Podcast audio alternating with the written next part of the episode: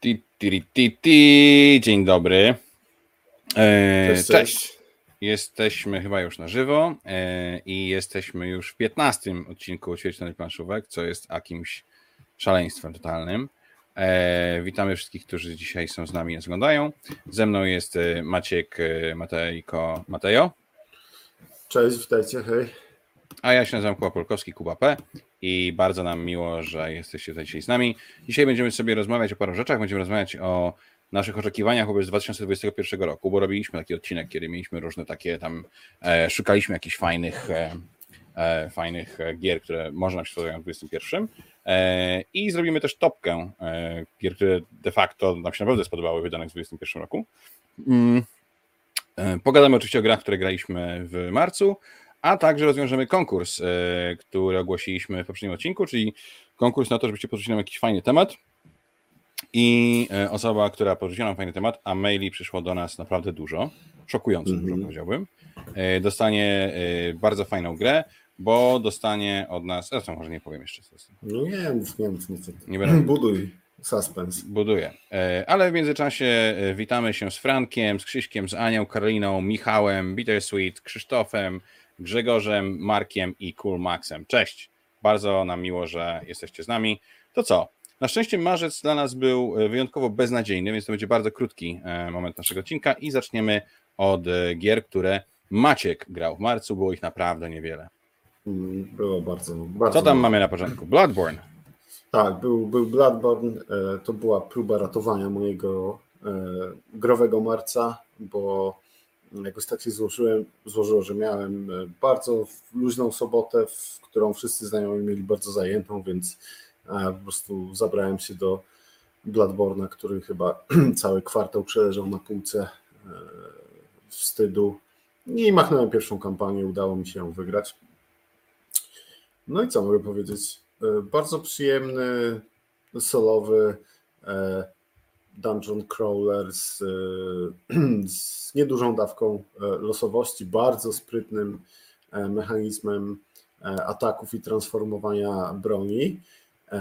Szkoda, że nie dane było mi zagrać w nią wcześniej, a mm, zwłaszcza jak robiliśmy topkę najbardziej klimatycznych gier, czy najlepszych gier opartych na licencji, bo znając Bloodborne, on by się tam trafił. Bardzo, w bardzo ciekawy sposób. Przepraszam, ja wyjdę na laika, ale rozumiem, że Bloodborne oparty jest na licencji gry wideo, tak? Tak, tak. Gdybyś mi nie wszedł w słowo, to właśnie do tego zmierzałem, że Bloodborne oparty jest na licencji gry wideo i w bardzo e, ciekawy sposób.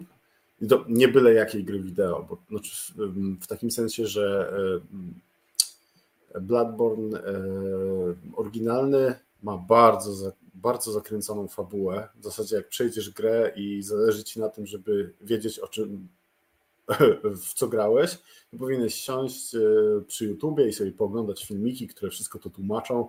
Tam gra rzuca w ciebie takimi skrawkami e, informacji o, o całym świecie.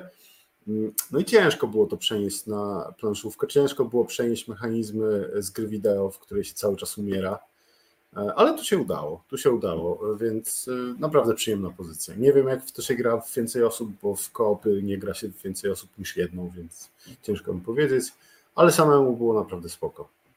Okej, okay. Kaskadia. E, to chyba nie były twoje pierwsze partie w Kaskadię? Nie, nie, nie. Kaskadia jedna z dwóch gier, które udało mi się odpalić na urlopie. Przeleciały sporo kilometrów w samolocie i Kaskadia nawet wyszła na stół.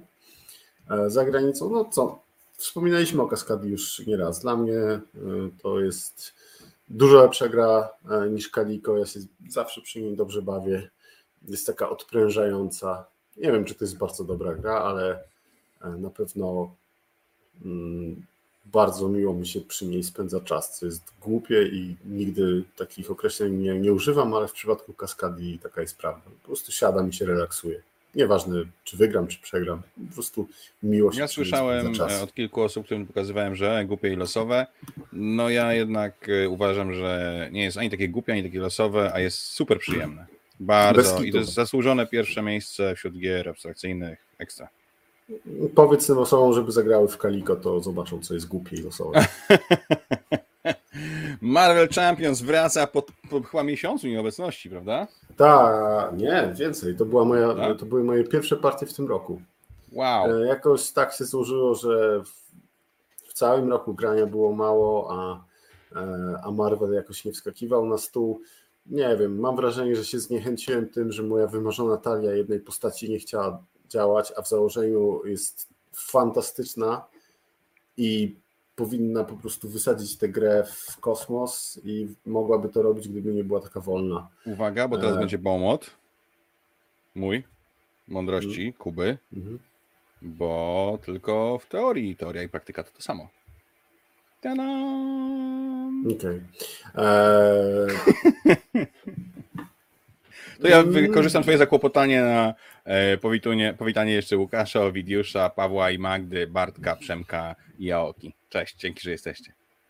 To nie było No zakłopotanie, to była próba powstrzymania e, przekleństw.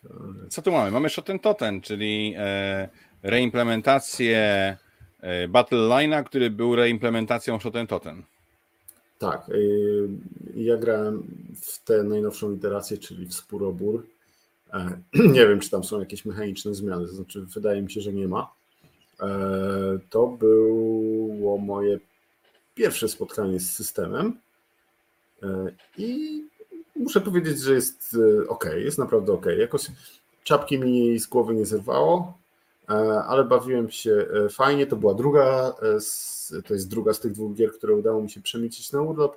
E, Żona też e, powiedziała, że, że spoko, więc myślę, że zostanie ze mną. Musisz zagrać moją wersję, którą ktoś, nie wiem, 10 lat temu e, robił print and playa na, e, na forum, bo ja sobie e, ją kupiłem i mam wersję Star Wars e, i do tego mam e, figurki, które były kiedyś w Lidlu dodawane takie małe, takie, takie przystawki. Z przystawkami. e, tak, figurki i, i, i bijemy się o tych gości, żeby ich do siebie tam poprzeciągać. Tak? Oże- Oczywiście również mam, e, oczywiście również mam te Przystawki. figurko przystawki, tylko że ja ich używałem e, do gry w minerały, kiedy jeszcze miałem minerały, do podnoszenia kafelków. Od razu lepiej się po- podnosiło Wejderem, e, no ale wszystko się robi lepiej Wejderem, prawda?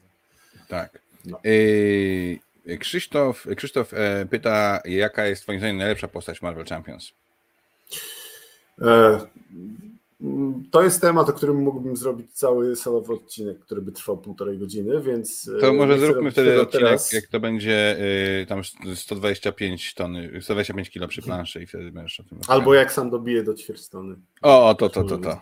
E, najsilniejszy bez dwóch zdań jest Doctor Strange. To jest generalnie o dwie klasy wyżej od wszystkich innych e, postaci, więc nie wiem, I tu stawiamy y, magiczną, czarodziejską kropkę. Ale tak na nie odpowiem. Ja jeszcze tylko muszę to wrzucić na chwilę. Mhm. Krzysztof Soku wita się z nami mówiąc siemaneczko, mój ulubiony podcaście. O kurde. Chłopie, ale masz beznadziejny gust. Super Fantasy Brawl, e, czyli E, twoja e, gra, która nie mieści się do dużego bagażnika Skody Octavii. tak, ale teraz jest szansa, że będzie się mieściła, bo zamiast 17 pudeł będę musiał wozić tylko jedno, bo zakupiłem sobie insert, Super który się gdzieś insert. tam e, drukuję na drukarce 3D u znajomego i z tej okazji, że być może będzie szansa na transportowanie tego molocha gdzieś, postanowiłem sobie przypomnieć, e, grałem na Board Game Arena, jest świetna implementacja, gra jest fantastyczna, więc jeżeli ktoś by chciał sprawdzić, to polecam na, na BGA. Okej, witamy Kubę Czajkę i przechodzimy do zamków Burgundii, o których chyba nie musimy się rozpisywać ani rozgadywać. Klasa sama w sobie, królowa gier, Mhm. dziękujemy bardzo. I jeszcze miałeś okazję zagrać w Tabanussi, które koniec E. końców poszło na sprzedaż, czy nie? Nie, jeszcze nie. Nie, E, jeszcze nie. Znaczy, jeszcze nie. Nie. I kropka. Nie, nie poszło. E, co mogę powiedzieć o Tabanusie? Poczekaj, Pierwsze- zróbmy pauzę. Zróbmy pauzę. Ania Jakubowicz mówi, e, pyta, czy skomentujemy nowe wydanie, czyli tą wersję Ja chcę, ja wydawaną chcę. przez Ja Awaken. Realmsów, po tym jak yy, Ravensburger zainwestował w GameFound, czy też w Awakenów, e, no to teraz Awakeni mają troszkę łatwiejszy dostęp do klasycznych gier Ravensburgera i jest pomysł na to, żeby wydać e, Zamki Burgundii w odświeżonej szacie graficznej. Tak. Maciek, I- e, odpowiedzieć? Odpowiadaj. Tak. mój komentarz jest następujący. Wysłał mi e, znajomy linka do tego newsa i napisał, będą ładne zamki Burgundii.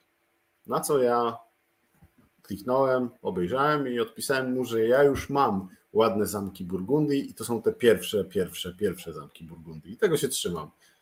Poza tym zamki Burgundii nie muszą być ładne, mają być fantastyczne mechanicznie, jak w zasadzie każda gra. I takie są. Więc one nie będą lepsze przez to, że będą ładniejsze, mogą być tylko gorsze, jeżeli będą mniej czytelne. Mamy też tutaj e, denuncjację, e, ponieważ e, denuncjuje konkurencyjnego blogera. Mm, konfiturzy. Ładnie. Tak, tak. Game Factor narzeka na zamki. Słuchajcie, no wszyscy wiemy, że Paweł nie zna się na grach, przynajmniej tak samo jak Gambit, w związku z czym nawet nie musimy tego komentować, kropka. Znaczy, no nie, nie, nie, no, Geek Factor nie zna się na grach, ale teraz to już przesadził. O, o, o, o, o, dziękuję bardzo. Także e, Pawle, jeżeli nas słuchasz, a pewnie nie, to, e, to, to właśnie tak. W ogóle nie ma co narzekać. Dobra. Wróćmy na, na szybciutko do, do Tabanusi. Kontakt z Tabanusi miałem śmieszny, bo instrukcje to ta partia to jest moja pierwsza partia, jak na razie e, ostatnia. Jeszcze, jeszcze nie zagrałem kolejnej, chociaż bym chciał, spoiler. Um, a instrukcję czytałem chyba z pięć razy. E, raz jeszcze. Czego raz chyba na etapie przed... proofowania. Tak, tak, na, e, jako ten proofreader, a później jakoś tak miałem zagrać przypominałem sobie te instrukcje do grania nie Nie grałeś. Coś tam, ona mi się rozmazywała. Nie wiem, jakoś nie chciało mi się to poukładać w, w głowie, ale już mm -hmm. wiem, mhm. dlaczego nie chciało mi się poukładać w głowie. Nie chciało mi się poukładać w głowie, bo ta gra, jak na euro, standardowe euro, no bo to jest dosyć standardowe euro, ma bardzo ciekawą interakcję mm, między graczami, e, zaszytą w sobie. I było to dla mnie E, dosyć niespodziewane. Ja nie jestem fanem dużej interakcji. E, nie jest to interakcja tego najciemniejszego koloru, gdzie można komuś przyjść i zburzyć jego zameczek i zabrać bydło i tak dalej, ale można zrobić dużo,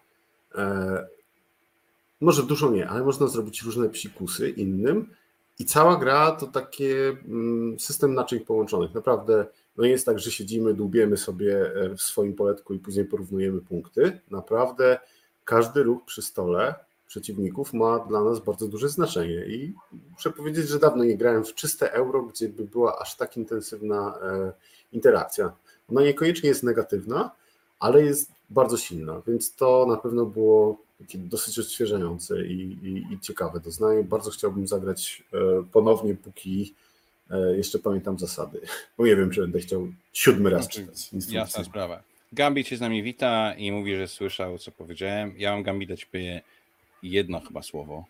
Nigdy tego nie wiem. Ale, albo jedno, albo dwa słowa. Mage Knight. O tu.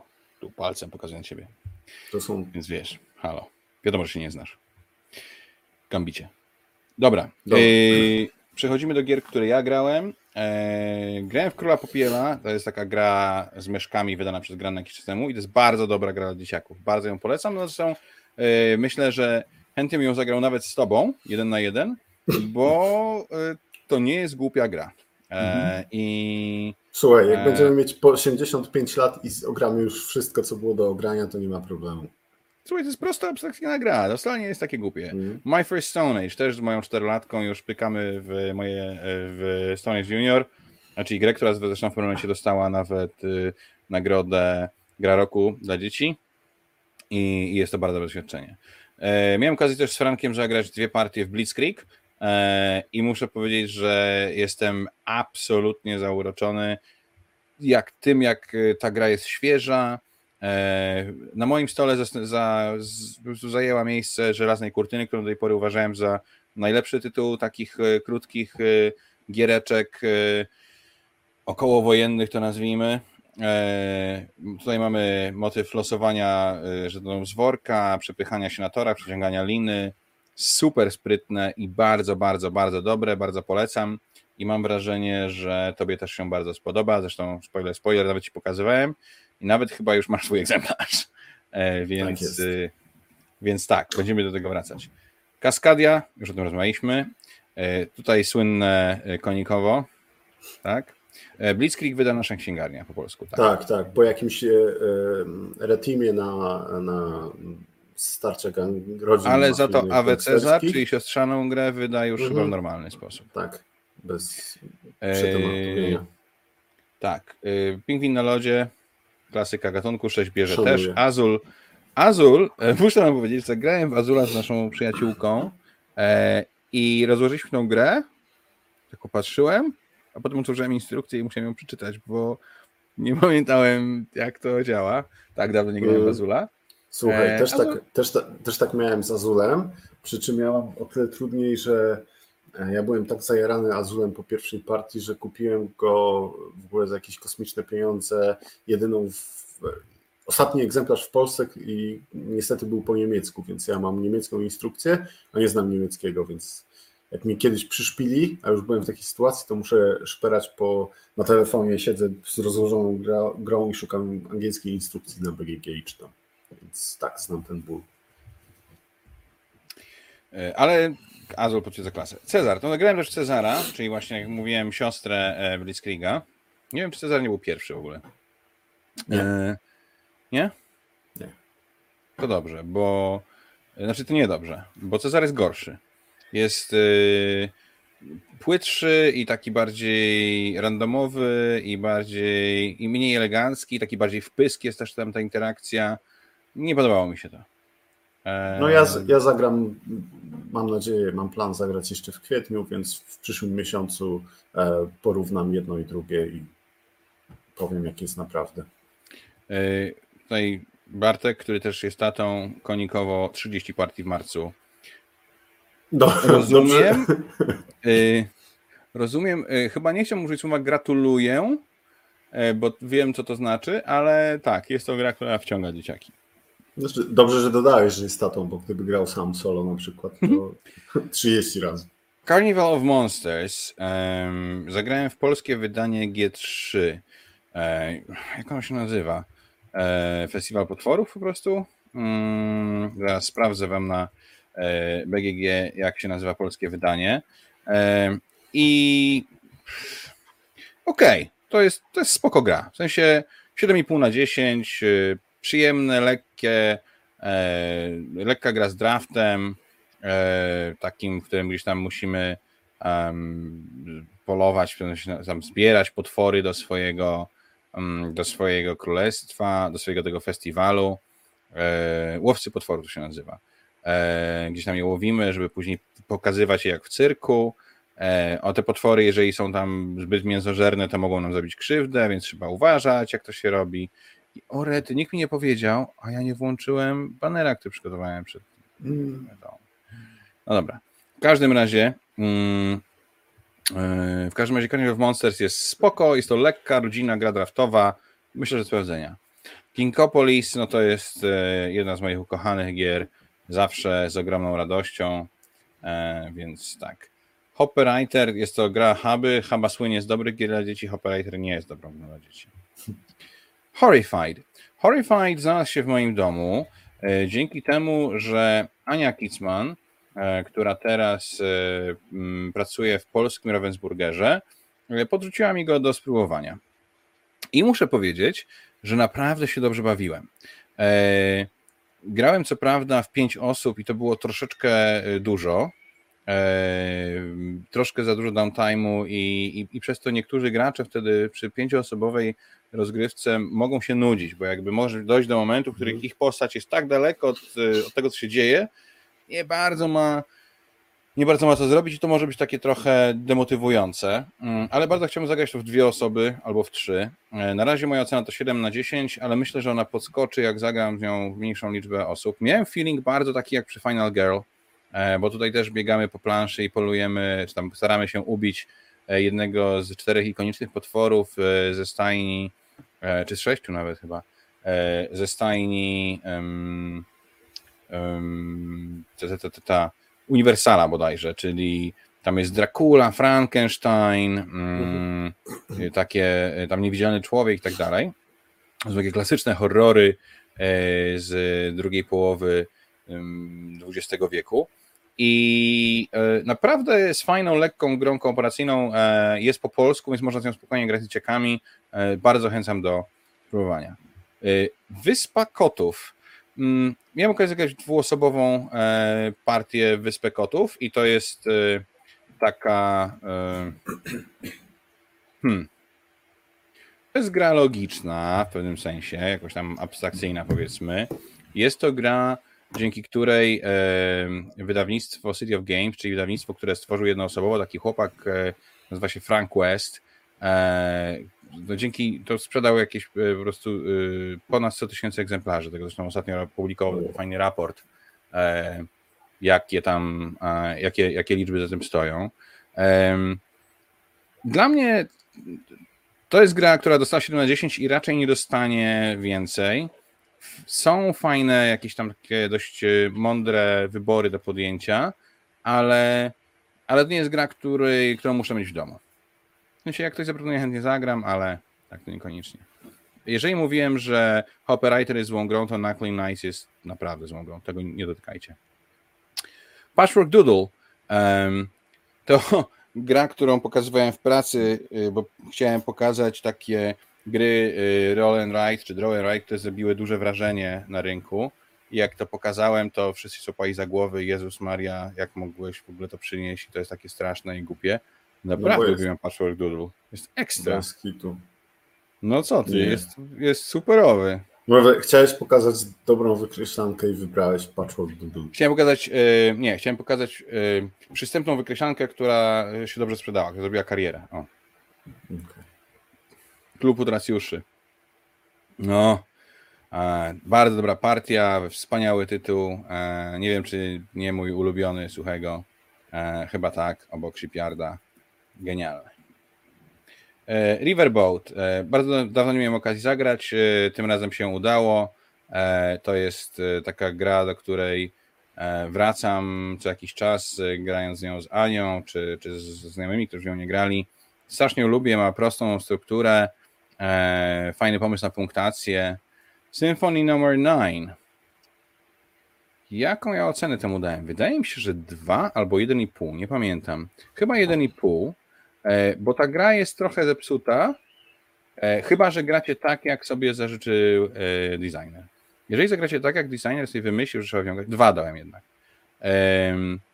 to, to wtedy może być ciekawa, ale poza tym jest bezsensownym marnotrawstwem waszego czasu i y, Maciek kiedyś powiedział, że ją nie grał, bo mi się nie spodoba. Ja do końca nie zrozumiałem, y, co on miał na myśli, y, ale teraz już rozumiem i jest mi trochę wstyd, że nie posłuchałem cię, Maciek. Przepraszam.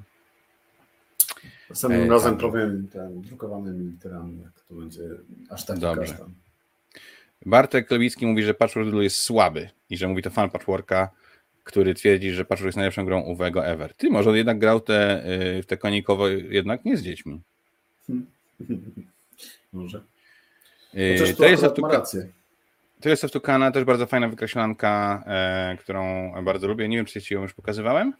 Tak. I co? Mm. Not impressed. Nie wiem, jakiś okay. tak, No, może być. Mech. Jednorożce w chmurach, klasyka gatunku, prototypy. Welcome to, które kocham i które y, jest też jedną z najfajniejszych wykreślanek, y, jakie są na rynku, mam wrażenie. Bardzo dawno nie grałem. Tak, Welcome to jest e, świetne. E, dodatki te małe, e, bloczkowe są, nie pamiętam, w połowie albo w trzech czwartych też świetne, a ja zdecydowanie zbyt długo już, już nie grałem w Welcome to, będę musiał wyciągnąć. Dobrze. Jeżeli dochodzą do Was chichoty i śmiechy z mojego domu, które brzmią chichoty i śmiechy dziesięciolatki i czterolatki, to jest tak szansa, że tak właśnie jest. Gdzieś tam mogą latać w okolicy więc wybaczcie, ale to jest takie nasze, mm, nasza forma e, soundtracku, tego tam film z tyłu. No jest to jednak ćwierć tony. No dobra, słuchajcie, y, czas chyba w takim razie, żebyśmy się zastanowili, e, jakie y, gry, e, jakie gry zrobiły nas największe wrażenie w 2021 roku. Oczywiście nie mogłoby się odbyć bez honorowych zmianek. Co ciekawe, po tym jak już przedstawimy Wam naszą topkę, to przelecimy sobie przez listę, którą przygotowaliśmy 12 miesięcy temu, czy nawet dłużej, e, jednym z naszych pierwszych w ogóle podcastów, to był chyba drugi podcast, jeżeli się nie mylę, bo e, tak mi się wydaje, e, że tak było. I opowiem Wam o grach, które mi się wydawało, że będą fajne w 2021 roku. Na które czekaliśmy z, tak. z tego czy innego powodu. Zgadza się. Honorowe wzmianki. Czy y, miałbyś ochotę. A, przepraszam. Matt pisze, żeby nie reklamować wykreślonek, bo już jedną przez nas kupił What of Fleet. Dobra, no obiecujemy no ci, że. Poczekaj, że teraz powiemy tylko, że jak Ci się podoba, to e, tych samych autorów jest Three Sisters e, i bardzo podobno warto spróbować, bo jest e, ciutkę E, ciutkę lepszy od Flita, tak słyszałem, sam jeszcze nie grałem, a na Kickstarterze tych samych autorów skończyła się fundować gra, e, której tytułu nie pamiętam, wydaje mi się, że to jest Moto City, bo jest o, e, o produkcji samochodów. Także... Nie, nie, nie, jest o produkcji samochodów, samochodów w Detroit. Dobrze. I też podobno jest, wygląda, wygląda zachęcająco. Anna pyta, czy będą też kasztany 2021? Nie, to jest topka najfajniejszych gier, ale jak będziemy opowiadać o tym, przechodzić przez naszą listę, to może nam się znajdą jakieś gnioty. Na pewno się e, znajdą. Na pewno się znajdą. E, Kuba Czajka pyta, czy y, Fleet jest dobre. Doskonałe. Nie, mm. poczekaj, Fleet the Dice Game. E, ja nigdy nie tak. grałem w tego, w tego Fleet the Dice Game. dużego Fleeta, ale Fleet kościany jest mega. Fleet the Dice Game, Fleet tak sobie jeszcze patrzę tylko, czy ja w to może grałem. TGTT. Kurczę, wydaje mi się, że to grałem, a nie mam tego zapisanego. Ciekawe. Ale w co, e, Flita? We Flita. Wydaje mi, się, że, wydaje mi się, że grałem we Flita, no. Ale nie widzę, że miał ocenione, to musiałem coś pokićkać. Yy, Mat już się na ciebie skarży, Maciek, więc. Mm -mm.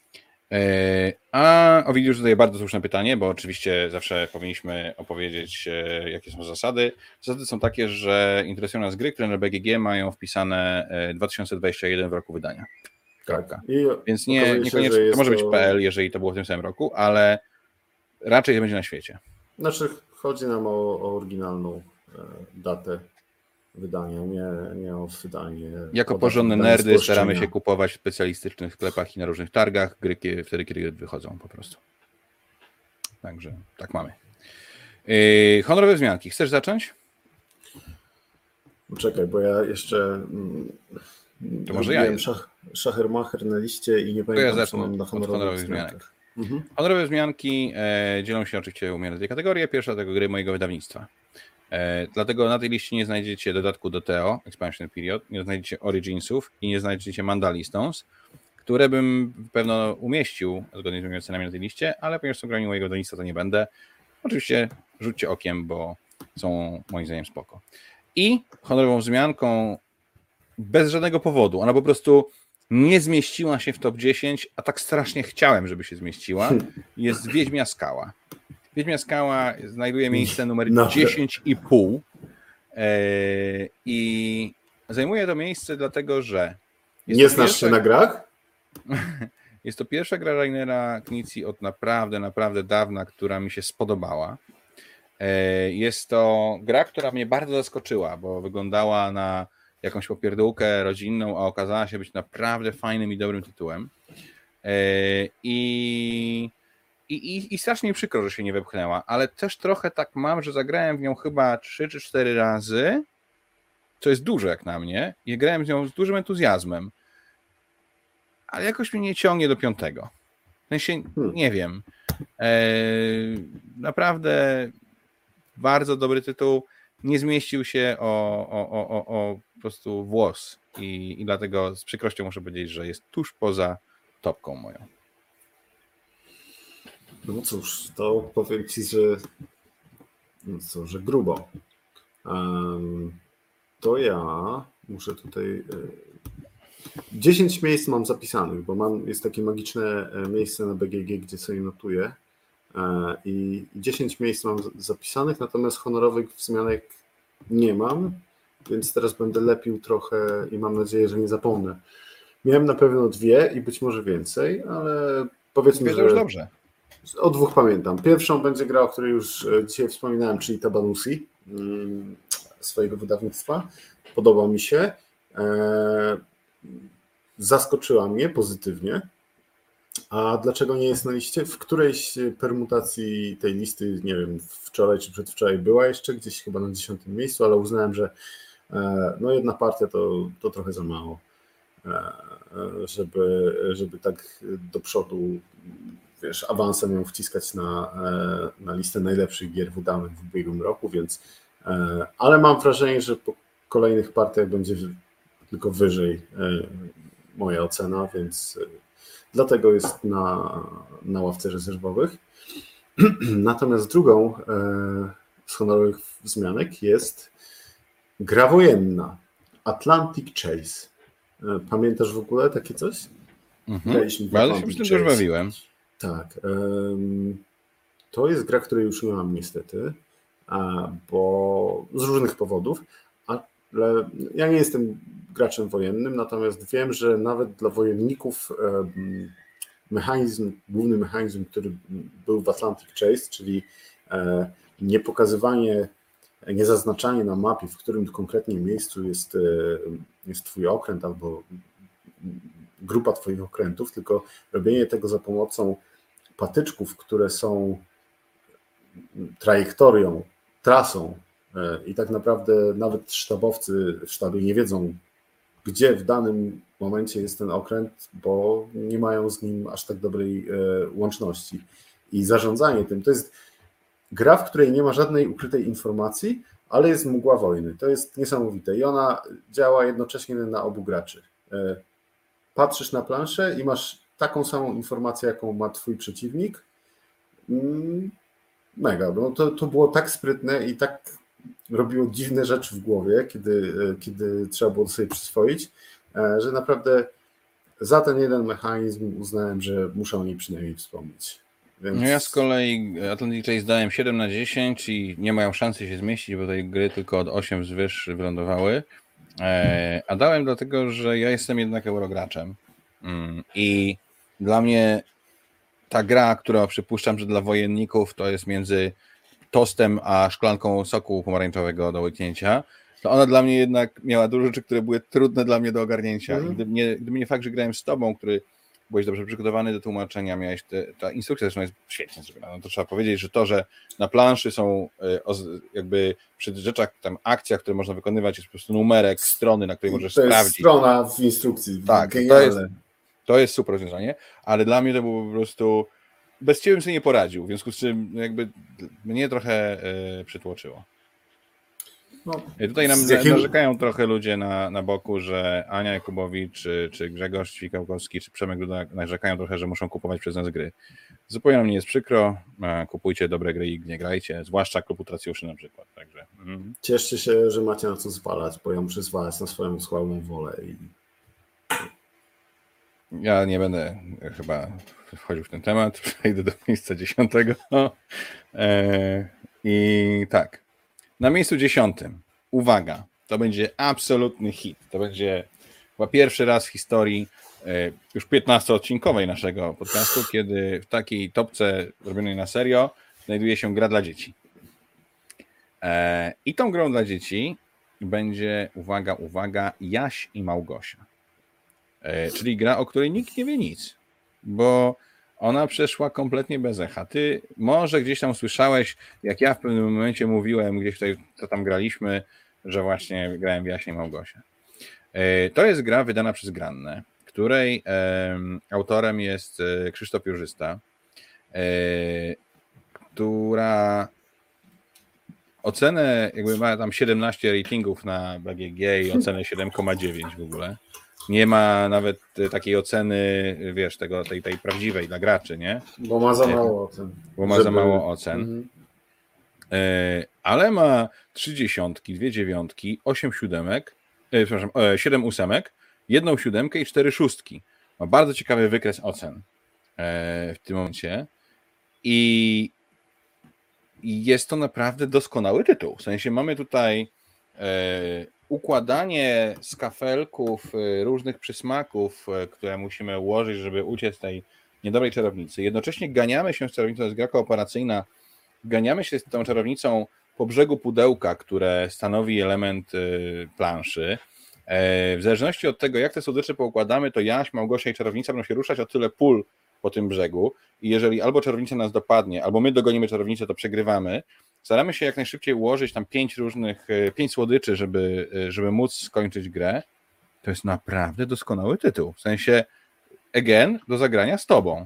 E, Ja wiem, że to cię bawi, ale Jaś Małgosia to jest tytuł, który z radością gram z moimi dziećmi i chętnie bym zagrał też z kimś dorosłym. Waga słusznie na BGG, na zasugerowana 1 na 5. W 100% się zgadzam. Od szóstego roku e, życia, no ekstra. Absolutnie ekstra, nic tylko brać i więc e, wielkie gratulacje dla, dla, dla Krzysztofa, dla Granny. To jest gra numer 10 na moim top 2021. Wow. O, o, proszę, proszę, proszę. Pojawiły się komentarze. Grzegorz pisze, że tak, ma jest sztos i nie musi kupować, cieszy się. Ania mówi, że ma, gramy, ostatnio komuś na prezent kupiła. E, Wiot Polski pisze, że e, świetnie jak na kooperację, fajny poziom animu, e, kombinowania. To jest naprawdę dobry tytuł. Serio, warto spróbować. Stacje są Okej. święte, stary. 20 minut od, od, Mm, poświęcisz. No, dobrze. E, moje miejsce dziesiąte to Brazil Imperial, czyli Brazil Imperium. To się E, nie, nie pamiętam tego. Ja też. E, Imperium, Imperium. em, to nie jest ten Brazil od e, What's Your Game, tylko ten Brazil No od, tak, tak, tak. e, ubiegłoroczny. E, W Polsce No. wydało to Lukrum. Tak, właśnie zastanawiałem. Chciałem powiedzieć od kogo, ale nie, nie wiedziałem, kto to wydał, więc. A ciężko, ciężko jest sobie przypomnieć coś, czego się nigdy nie wiedziało, więc to jest taka ciekawostka tutaj. Um, no i co z tym Brazylem? I ten Brazil to jest naprawdę cwana gra. On ma oczywiście swoje problemy i te problemy e, obciążyły go na tyle, że e, zdołał zająć e, najniższe miejsce na mojej liście. Tam niby jakieś drobne problemy z balansem, niektóre karty celów są obiektywnie łatwiejsze od innych, a są w tej samej talii. Tak samo jak ta druga talia też ma. Znaczy widać, że tam zabrakło trochę, e, trochę developu, bo to, to są takie rzeczy, które przy intensywnych, intensywniejszych testach można by wyłapać, mam wrażenie. Ale sama gra e, jest całkiem cwanym 4X dla mnie. W sensie to jest takie 4X, w które ja mogę grać, takie Euro 4X, tak jak na przykład e, Dice Settlers.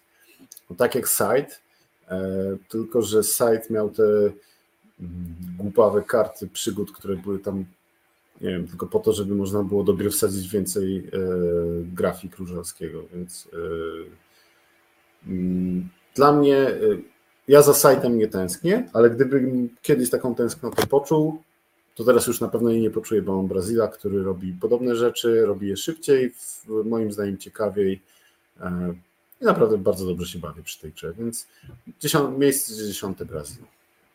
No, a z kolei... A poczekaj, poczekaj, bo tutaj na Grzegorz BG też bardzo ważną rzecz e, rzucił w komentarzu, że Brazil jest również bardzo ładny.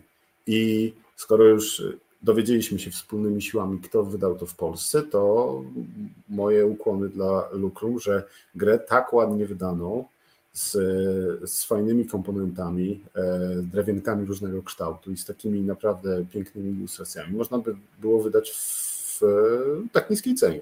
Więc to też jest, to też jest niezaprzeczalny plus tego tytułu. A co No tam dobrze, BGG e, mówi? Ja chciałem tylko powiedzieć, że BGG mówi, że e, gra ma ocenę średnią póki co 8,2, czyli bardzo dobrą, e, ale jest dopiero na 1861, 1861 miejscu na BGG. Co Cóż. mm, dobrze wróży na przyszłość, ale jakby w tym czasie po wydaniu już mogłoby być troszkę W, wyżej. pier, w pierwszej setce, więc e, nie wiem, czy to dobrze wróży na w przyszłość. Myślę, że To jest kwestia w liczby ocen, wiesz, wydaje mi się. dolny, bo dolnych rejonach. Czy To jest Dobra, to jest- kwestia liczby To jest ocen, dyskusja, bo... znaczy temat na inną dyskusję, a teraz lećmy, bo Tak. miało być szybko, bo mamy dużo Oczywiście. tematów. Y, Miejsce numer 9 u mnie jest to gra dwuosobowa e, i żeby było śmieszniej, jest to dwuosobowa gra trick-takingowa, co jak wiemy jest właściwie prawie że niemożliwe do zrobienia z dwoma wyjątkami, które znam, E, ale w tym przypadku jest jak najbardziej do zrobienia i jest to gra, która nazywa się Jekyll vs. Hyde. I w moim osobistym rankingu ma ocenę 8 na 10. W rankingu BGG 1776 miejsce i ocenę 7,3 średnią. Mnie Jekyll absolutnie uwiódł. Trochę mnie bawi to, że gra kosztuje tam plus 5 euro za po prostu stempel do papieru, przycisk do papieru w pudełku, czyli taką metalową, dużą figurkę tego Jekylla. Bardzo proste zasady, które robią fajną rzecz z mózgiem, kiedy trzeba skumać, jak ona działa, ale jak tylko to zaskoczy, to nagle okazuje się, że to jest bardzo fajne przyciąganie liny. Fajne jest to, że żeby ją dobrze poczuć, trzeba zagrać dwie partie, bo jakby, żeby zamienić się miejscami i zobaczyć, komu tam lepiej, e, lepiej poszło przeciąganie tej liny w swoją stronę, bo lina idzie tylko w stronę tego e, złego e, mistera Hyda. No, naprawdę, naprawdę godny tytuł. Długo trzymałem kciuki, żeby ktoś to wydał w Polsce, ale z tego co wiem, to oryginalny wydawca nie bardzo chce się zgodzić na zmianę komponentów, czy między innymi na zmianę tego, tego przycisku do papieru metalowego wielkiego, który niestety który niestety podraża bardzo grę, e, więc to może raczej nie wyjść. E, ale tak, Jekyll kontra Hyde to jest mój strzał. Jekyll versus Hyde tak naprawdę, mhm. na miejsce dziewiąte. Mm, dobra, to u mnie miejsce dziewiąte to jest znowu gra, o której już dzisiaj wspominałem, czyli Bloodborne. Gra planszowa. Wow, to skoczyło, powiedziałbym tak w ostatnim momencie chyba, nie? Mhm. E, niby tylko trzy partie i niby tylko jedna kampania, ale ugryzłem już to, co tam, e, co tam się dzieje. E, co mogę powiedzieć, o czym jeszcze nie mówiłem? E, to najpierw podkreślę, podkreślę to, o czym już mówiłem, ale jest dla mnie bardzo ważne. E, system wyboru akcji, zagrywania kart tam na planszetkę i odświeżania tego e, transformowania tej broni, tam klimatycznie mówiąc, jest super cwany i to jest taka łamigłówka, którą ja lubię w grach. E, to, w jaki sposób e, udało się przenieść walkę, e, która w, w grach z tej serii jest bardzo skillowa, w sensie trzeba się nauczyć, trzeba się wykazać zręcznością. Każdy przeciwnik ma swój E, swój schemat ataków, których można się nauczyć i widzisz, że kiedy zaczyna się dana animacja i nie wiem, on zaczyna machać łapą, to musisz zrobić odskok w lewo i wtedy możesz mu zadać trzy ciosy na, na czysto i uciekać. I byłem bardzo ciekaw, jak coś takiego można przenieść na grę planszową i udało się. Tutaj każdy wróg ma swoją mini talię, e, z której e, dociągamy kolejne ataki jego i ta talia jest przetasowywana dopiero po wyczerpaniu, więc e, można, e, znając lekko te talie, a ta, te talie mają po 4-5 kart, e, bardzo szybko można się tego nauczyć, że aha, dobra, to on już zrobił szybki atak i ciężki, więc zostały mu tylko te średnie, no to ogarnę. Jest cały system ala papier, papier kamień, nożyce, że Najpierw rozpatrujemy szybkie ataki, później dopiero średnie, e, ciężkie, które zadają najwięcej obrażeń na, na koniec. Sporo jest e, tych niuansów, ale walka dzięki temu jest, mm, ma mało losowości, e, dużo przy tym frajdy. Natomiast dlaczego, mimo tych wszystkich plusów, o których mówię, dlaczego tak nisko? Bo Bloodborne ma dwie rzeczy, które mi się nie podobają. Po pierwsze, bardzo szybkie tempo, w tym sensie, że mm, w każdą, tak, bo ka, właśnie dlatego mówię w jakim sensie. W każdy scenariusz wbudowany jest e, timer. Ja nie lubię timerów w grach. W sensie, i to nie taki timer, że masz 6 rund w Eurasie, no i rób punkty. Tu jest timer, który się skraca za każdym razem, jak zginiesz. E, śmierć jest takim małym refreshem, możesz odzyskać karty i tak dalej, ale to, że skraca ci się czas na wykonanie e, tego, co masz w scenariuszu zrobić, jest dramatyczne. E, I druga rzecz, również związana z tym refreshem, e, jest następująca, że po każdym refreshu, czyli zawsze kiedy zginiesz albo dobrowolnie postanowisz odświeżyć to wszystko, bo możesz to robić, żeby rozwijać postać, bla, bla, bla, odświeżają się wszyscy wrogowie. I to też jest związane z, z grą wideo, z pierwowzorem i ma dużo sensu. E, natomiast coś, czego nie mogłem mentalnie przeskoczyć, to walka z bossem. Klepiesz się z bossem, ubiłeś jego pierwszą fazę, on wchodzi w swoją drugą fazę, już jesteś o krok od wygranej, ale wystarczy, że zajęło ci to trochę za dużo czasu. E, timer przeszedł na pole odświeżania. Odświeżają się wszyscy wrogowie na planszy, którzy nie mają dla ciebie znaczenia, bo już się tłuczesz z bossem, a boss się leczy e, do zera. I to jest dramatyczne. No i jeszcze wisienka na torcie tego, co mi się nie podoba. Fakt, że e, mamy mini kampanię, to akurat jest dobre, bo nie lubię gier rozwleczonych, więc kampania złożona z trzech scenariuszy to dla mnie fajna rzecz. Natomiast jeżeli przegrasz dowolny z tych scenariuszy, to musisz zaczynać od początku. Nie ma czegoś no, takiego, nie że prze... tego. Nienawidzę. Nie ma czegoś takiego, że przegrałeś w ostatnim scenariuszu, Dlatego to okay. Time Stories to nie jest gra i w ogóle je hejtujemy. Zacznij od tego, e, zacznij od tego, co, gdzie skończyłeś drugi, z rozwinięciami postaci i tak dalej. Nie, zaczynaj od początku. Ale dlaczego? Przecież to jest niesprawiedliwe. Ja już przeszedłem tamten scenariusz, nie chcę w tym momencie grać w niego od początku, tylko po to, żeby no. powtórzyć to, co mnie interesuje, więc to był ten, tak, to, to był ten kamień, e, tfu, kamień do trumny, e, gwóźdź do trumny, e, natomiast gameplayowo, mechanicznie walka, tak jak mówiłem, miodzio i jeżeli lubicie mało losowe walki w crawlerach, to naprawdę warto sprawdzić. Iwona, z, Iwona Weber z mm, pełną parą też mówi, że Bloodborne świetny. A BGG mówi, że miejsce 858 i średnia ocen 8.0. No dobrze. E, miejsce numer 8 w takim razie. Mm, miejsce numer 8 u mnie zajmuje gra, która samego mnie zaskoczyła, że się tu znalazła, bo nie powinna z żadnego powodu, no. bo jest. To jest, solo.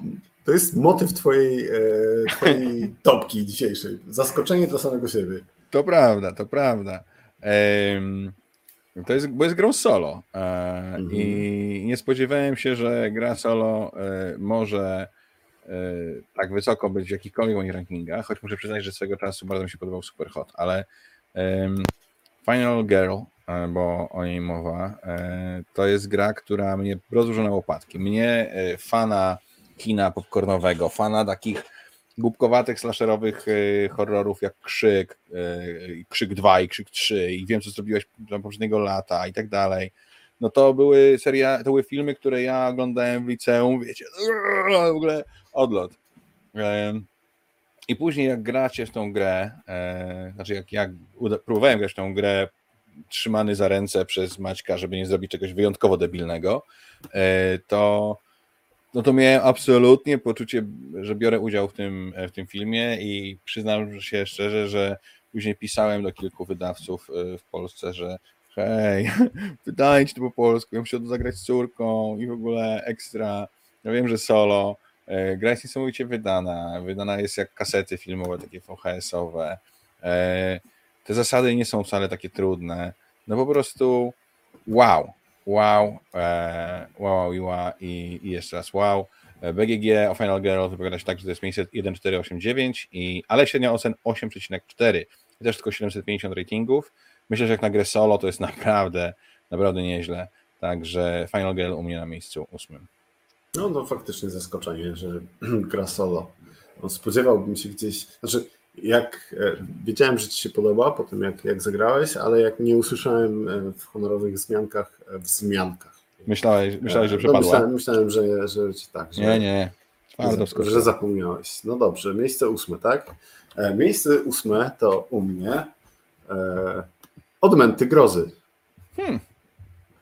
Też e, zaskoczenie. E, co mogę powiedzieć o odmętach?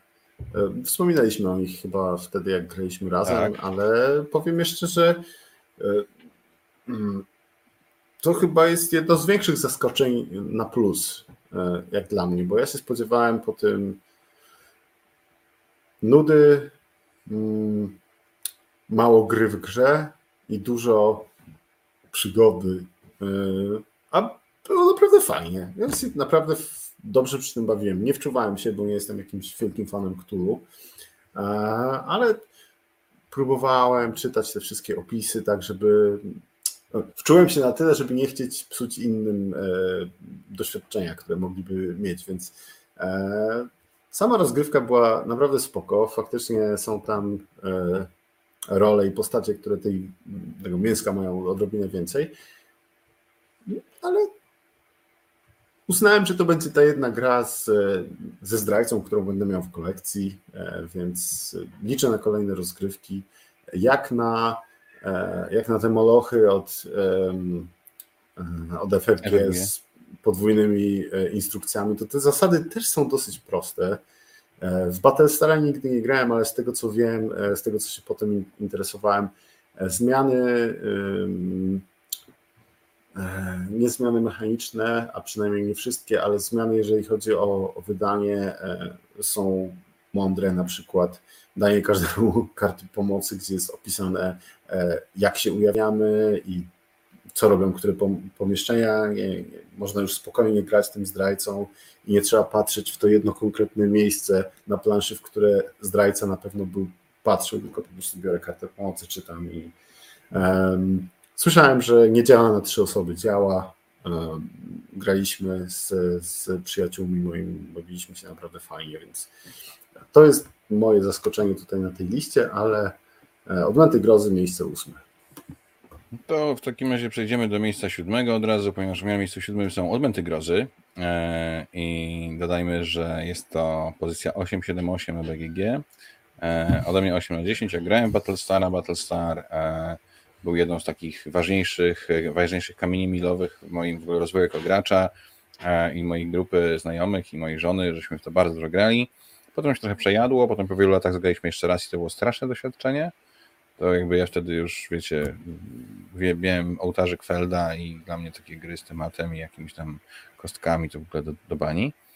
Ale zagrałem nie do momenty grozy i zagrałem w nie e, też e, i z Maćkiem na Zgrany Wawrze, i, i z moją Helą, i z jej kuzynką Marysią, e, i Frankiem, i, i jego żoną, i, i, było też ekstra. Jest Cthulhu, są fajne mechanizmy, no ten smaczek z tym, że jak statek płynie do przodu, to potwory się przesuwają do tyłu, mnie po prostu rozwala za każdym razem Mega. i jest ekstra. Mm.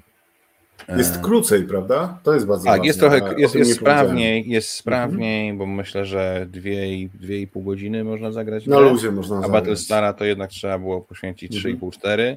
E, te zasady też jakoś tłumaczy, wydaje mi się, sprawniej. E, może dlatego, że temat też jest w jakimś sensie przystępniejszy, bo jednak nie wszyscy oglądają Battlestara, a którzy wszyscy kojarzą, to, to łatwiej zrozumieć, łatwiej to klika w głowach może. Mhm. Jest tematycznie jak ktoś się bawi we flaw, to już w ogóle jest y, super. Dla mnie jest to bardzo fajne przeniesienie RPszka na planszę i mam z tego e, ogromną, ogromną radość. Także miejsce siódme e, odmęty zdecydowanie. Moje miejsce siódme e, to jest. Moje miejsce siódme to gra, której wydaje mi się, że jestem jedynym fanem na świecie. Autentycznie. E, nie znam drugiej osoby, która to lubi. E, I jest to Embarcadero. Czyli znakomita gra, znakomite euro o, budowania, o budowaniu, ustawianiu e, trójwymiarowych budynków na płaskich na szczęście łódkach. Z, wspominałem, wspominałem już kiedyś o tym, jak przy okazji omawianych, omawianych gier w którymś tam miesiącu. Jest bardzo sprytny sposób zarządzania e, ręką, gdzie co rundę zagrywamy kartę na jeden z trzech sposobów. Karty, które trafią na, na nasz stół, mm, dostarczają nam ikony potrzebne do wznoszenia budynków, tak jak na przykład w, działa ekonomia w siedmiu cudach świata.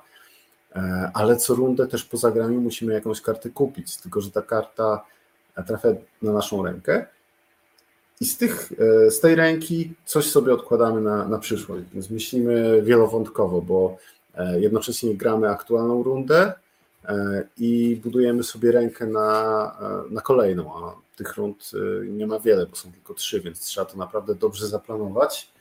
Mm, jest nam troszkę interakcji, jest zmienna punktacja, są trójwymiarowe budyneczki. Nie wiem, czego można chcieć więcej. I właśnie przypomniało mi się, że Franek, e, który teraz krzyczy na, na, na mnie na czacie, też lubi Embarcadero, więc e, i też nie potrafi nikogo przekonać do tej gry. Ludzie, co z wami nie tak? Przecież to jest znakomite. Ja w międzyczasie powitam e, Martę i Jarka, którzy wpadli na nas spóźnieni. Cześć, w dobrym momencie jesteście.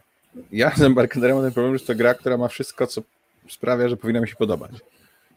A bez w ogóle mrugnięcia okiem i z żadnego żalu e, puściłem ją do Maćka i nie wiem, jest trójwymiarowe budowanie budyneczków, jest euro, są fajne mechanizmy i jakoś moje serduszko pozostaje nieczułe. Nie wiem. Nie wiem, może Też się nie nie znam. Myślisz, to może być to? No, to wiesz co, to jest 15 odcinek i powoli nabieram takiego przekonania, że Ale dla porządku dodajmy, że. E, no tak. E, dla porządku dodajmy, że Embarcadero na BGG ma miejsce 4259 ze średnią ocen 7,4 przy 300 ratingach, więc chyba nie jest rzeczywiście jakoś nie wróża wielkiej kariery. chyba czas na moje multikonta na BGG, tak? Chyba czas. E, 6 i wreszcie jakieś porządne euro. No. Oho. Słuchajcie, jest to e, gra, która przychodzi w bardzo denerwującym mnie pudełku, bo jest takim nietypowym, dużym, głębokim, e, prostokątnym pudełkiem, e, które to jest, wkurza mnie, jak one są takie głębokie. Jest to włoska szkoła designu, między innymi Simone Luciani wśród autorów. Oryginalnie wydana przez Kranio, w Polsce wydana przez Portal. E, Maciek mnie e, bardzo ucieszył, kiedy postanowił się z tą grą rozstać, bo teraz ja ją mam i jest to gra golem. E, Bardzo siedzi mi temat, zresztą bardzo fajnie jest zaimplementowany moim zdaniem grze jak na euro. Strasznie podoba mi się krótkość kołderki tej gry, strasznie podoba mi się to, jak trudnych wyborów trzeba w niej dokonywać. Ma całe mnóstwo takich małych rozwiązań, które mnie w grach bawią i jak mam to porównać na przykład do nawet już nie mówię o Marco Polo, no powiedzmy do Marco Polo 2, które jest lepsze niż Marco Polo, albo do Newtona, no to golem dla mnie za każdym razem będzie, e, będzie pierwszy lądował na stole. E, Miejsce na BGG 1763, ocena 7,6 przy 950 ratingach, więc też jakoś specjalnie już wysoko nie podskoczy. Mnie golem bardzo, bardzo, bardzo bawi i czekam kolejnej partii. Ty się zastanawiasz, czy ty się nie znasz. Masz tutaj odpowiedź. No, słuchajcie, golem jest ok. Dlaczego mi tak nie pod... Ja nie widzę, ja nie czuję tej krótkiej kołderki. Bo co to za krótka kołderka, gdzie ja grałem dwie partie i w obu wymaksowałem e, dwa tory albo jeden, a drugi miałem prawie wymaksowany. No, jakoś, jakoś. I ten, mm, i te, te tytułowe golemy, ok. Ja rozumiem, że ten temat jest dobrze zaimplementowany, aczkolwiek ja się spodziewałem troszkę czegoś innego i mnie one irytują. E, Ja wiem, że to, że one pędzą przed siebie na oślep ma sens, ale nie ma dla mnie, znaczy nie daje mi to frajdy, bo ja e, nie widzę tam klimatu, to jest euro, błagam, a widzę tylko pionek, który pędzi po, e, po, ca- po listewce z fajnymi e, akcjami, których ja nie mogę wykorzystać, bo on pędzi i zanim ja go, zanim on się gdzieś zatrzyma i będę mógł z niego wykorzystać, skorzystać, to większość tych akcji jest dla mnie nieosiągalna i muszę rzeźbić gdzie indziej. Ja Nie wiem, nie, nie, nie miałem z tego frajdy. Próbowałem, naprawdę chciałem, żeby mi się to po- spodobało. E, Marco Polo 2 i Newton są nieporównywalnie lepsze. Ale Rozumiem. E, Marta pisze, że denerwują ją te kulki, którymi można manipulować, przynajmniej z, po tym, jak widziała gameplay, bo rozumiem, że samą grę nie grała. Nie, kulki naprawdę dają radę. no tak, to, znaczy kulki spoko. spoko. A, znaczy, to mogły być kostki To mogły być kostki, ale kulki są spoko. z jednym blankiem. Nie, nie bój się Ale- tych kulek. Nie, nie, nie. To nie jest tak, że one się rozsypują, coś się z nimi strasznego dzieje. Nie, nie. A temat naprawdę nie jest abstrakcyjny, Marta. On, on tam siedzi i, i, i ma sens. Tak, to potwierdzam. Nie ma No no dobrze. dużo, a co, w sensie a co, tematu. no nie tak, sensu, tak, no jak na ale- euro. ale- O, jak na grę euro. Tak, tak, tak. W sensie, tak. Ale to jest. Jest, niej- jest go tak samo dużo, jak było tematu w Newtonie. O, No, albo nawet. Ale ma troszkę więcej sensu, jak dla mnie. Tak. Tak bym powiedział. Mhm. No dobra, to u ciebie na miejscu szóstym? U mnie na miejscu szóstym jest e, kolejna gra, o której już dzisiaj wspominałem, matko, e, czyli Kaskadia. Bardzo wysoko, mm, znaczy bardzo, no, umiarkowanie wysoko, bo to jest bardzo dobra gra. E, To jest w końcu taka fajna, logiczna układanka, która mnie bawi, która mnie nie irytuje e, swoją losowością, a losowość tam jest. Nie będziemy kitować, że nie ma, ale nie jest tak porażająca i tak. e, O, zabrakło mi słowa. e, I nie ma takiego wpływu na e, mój wynik jak w Kaliko. Naprawdę bardzo dobrze się przy tym bawię. Jeżeli miałbym wska- wskazać jakiś minus kaskadi, to chyba te nieszczęsne myszołowy, których karty punktacji są zawsze jakoś tak pokręcone, że ile razy bym nie grał, to i tak ktoś siedzi, patrzy na to i się zastanawia, ej, a jak one w końcu punktują, bo ja nie wiem, co to znaczy, że ten ma widzieć innego, ale jak przykrzywi troszkę główkę, i no nie, nie, nie.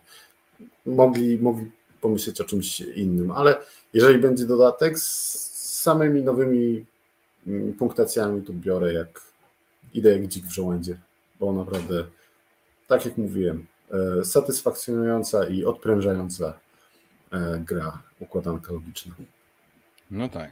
E, To ja wam powiem, że Kaskadia ma na BGG miejsce 88. E, A wiedziałem to zanim w ogóle zacząłeś mówić o Kaskadii, bo na miejscu piątym u mnie jest Kaskadia.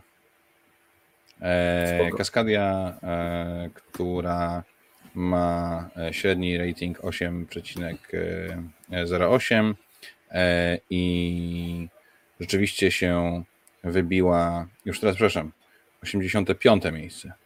Jakoś się musiało przeskoczyć. Pierwsze miejsce wśród gier abstrakcyjnych, e, ósme miejsce e, wśród gier rodzinnych. E, Co tu dużo mówić. Bardzo dobry tytuł. e, Przebojem skoczył na stół w moim domu. e, Pokazuję to różnym osobom. Gram w to z Helą, z, z Anią moją oczywiście, z różnymi znajomymi. E, Bardzo dobre. Choć jak mówiłem, spotkałem się też z opiniami od niektórych współgraczy czy współgraczek, że losowe, nudne i bez sensu.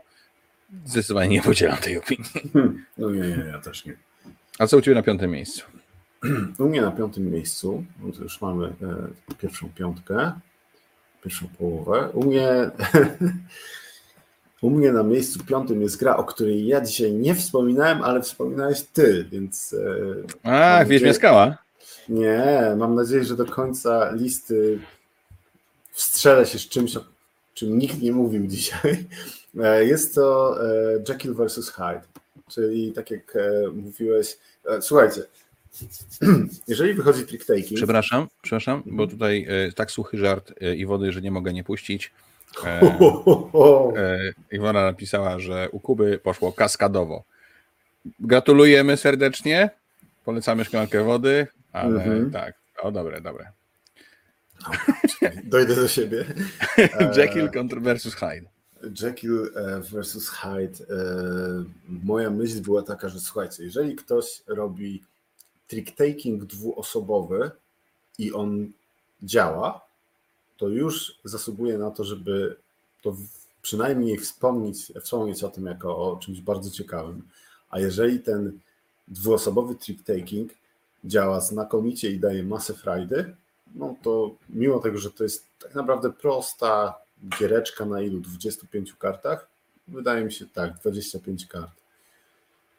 To naprawdę ile tam jest fajnych decyzji, mm, jakie to jest sprytne, że e, jeden gracz, e, no bo mm, trick taking przyzwyczaił nas do tego, że zbieramy, e, zbieramy ten, staramy się wygrać lewe, tak? A tutaj jeden z graczy gra na remis, czyli stara się, żeby obaj gracze mieli tyle samo wziątek wziętych, a drugi niekoniecznie musi je wygrywać, ale chce wprowadzić jak największą dysproporcję. Czyli e, bardzo dobrą strategią może być, e, bo na początku, po tym jak mamy rozdane karty, też częścią tych kart się wy- wymieniamy. Bardzo dobrą strategią jest na przykład pozbycie się całego koloru albo zostawienie samych niskich kart i ewidentne podkładanie się i patrzenie, jak ten drugi gracz, któremu zależy na równowadze, robi się czerwony na twarzy, bo każdą jedną e, wziątkę musi zbierać, bo po prostu my mamy e, tak przygotowane karty, więc naprawdę bardzo ciekawy, e, bardzo ciekawy tytuł, bardzo satysfakcjonujący podczas gry. Trzeba na początku się przestawić w głowie, tak jak Kuba mówił, bo to nie jest, no, jest sprzeczne z tym, do czego jesteśmy przyzwyczajeni, jeżeli znamy trick-takingi, ale moim zdaniem warto, naprawdę bardzo, bardzo dobry tytuł. Good. Y, jak ten Hyde wygląda na tle Fox in the Forest? Fox in the Forest jest miłe. Hyde jest mądre. E, zdecydowanie bardziej polecam e, e, Jekyll vs. Hyde niż Fox in the Forest. Jak nie grałeś Maciek Fox in the Forest, to ja mam to Renegade wydali ze znaczy tam... 3-4 lata temu. A, w Polsce nie wiem, czy portal tego nie wyda. Ale tam jeden był, jeden był kooperacyjny, a drugi był właśnie e, konfrontacyjny. Jeden był. Nie, Fox, the, Forest, Forest był, e, Fox ale był prawdziwy. Fox, który. Później jeszcze był gdzieś... Duel, coś takiego. A, to e, ale Fox the Forest jest. Nie, Fox the Forest jest, jest normalną grą. Nie, nie, nie grałem. Może Fox the Forest Duet, co jest zabawne, bo to jest dwuosobowa gra. Mm, tak, duet jest kooperacyjny. Nie, ja mówię o tym, o tym prawdziwym. Mhm, mhm, mhm. Nie gra. Yy, dobrze. Czas na miejsce czwarte, czyli miejsce, które prawie dobiło się do podium. Najsmutniejsze miejsce. Najsmutniejsze miejsce e, dla wcale niesmutnej gry, dla gry, którą, e, dla której e, wiele osób wieszczy, że jest to nowy, nowa terraformacja Marsa. Zresztą potwierdza to 33 miejsce na Board Game Geeku. E, i mowa o Arknowa. Arknowa e, zrobiła na mnie bardzo duże też wrażenie, e, kiedy w nią zagrałem. Zrobiła na mnie wrażenie od, między innymi dlatego, że jest to gra debiutanta. Zresztą też o tym wspominaliśmy. Jest to jego jedyna gra i od razu została wydana przez Feuerland bodajże, to chyba Feuerland wydawał, czyli głównym wydawcą tak. był Feuerland, czyli taki niemiecki wydawca, który słynie z wydawania mm, ciężkich eurasków. Mm, oni, poczekaj, e, poczekaj, poczekaj. Taki niemiecki portal. Bo portal wydaje Euraski teraz. Dobrze. Niemiecka odpowiedź na portal. Mm, czyli Feuerland. E, Jark Nowa jest grą, w której też mamy też tworzymy sobie tableau, też y, mamy wiele kart na ręce, z których zagramy tylko część i musimy jakby liczyć się z tym, że część z nich pójdzie na wywał i nie będzie robiła tego, co chce. Mamy bardzo, bardzo, bardzo, bardzo sprytny mechanizm wybierania akcji i tego, jak one mają e, działać i one stają się teraz lepsze, im, im dawniej je używaliśmy, a jeżeli używamy ich często, to, to, mają, to są słabe. E, więc e, fajne, klimatyczne, budujemy to zo, rozkład, zapełniamy sobie te planszetki. No, naprawdę robi wrażenie i myślę, że fani Terraformacji Marsa spokojnie mogą po nowe sięgać i będą mieli z tego mnóstwo frajdy. Mhm. Dobrze, to u mnie na najsmutniejszym miejscu jest gra, o której już dzisiaj wspominałeś, czyli Wiedźma, Wiedźmia Skała. Poczekaj. Przy e, Odmętach Grozy mówiłem, że to największe pozytywne zaskoczenie tego roku. tak, ale egzekwo z e, Wiedźmią Skałą, bo to jest gra, po której e, nie spodziewałem się mm, dosłownie niczego. Popatrzyłem na, popatrzyłem na okładkę, na komponenty i nie wiem, na czas gry na BGG, na wagę i wszystko to na autora, bo nie jestem fanem e, doktora Nici. I wszystko to jakoś składało mi się e, jeszcze przed zagraniem na mech, giereczka familijna dla dzieci, e, moje pierwsze euro. No ale Kuba powiedział, żebym zagrał.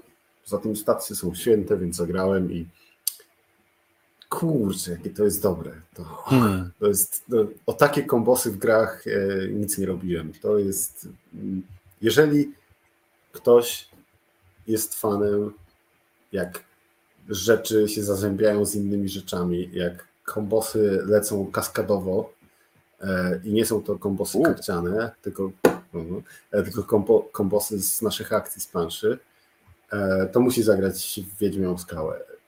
Ile tam jest e, kombinowania.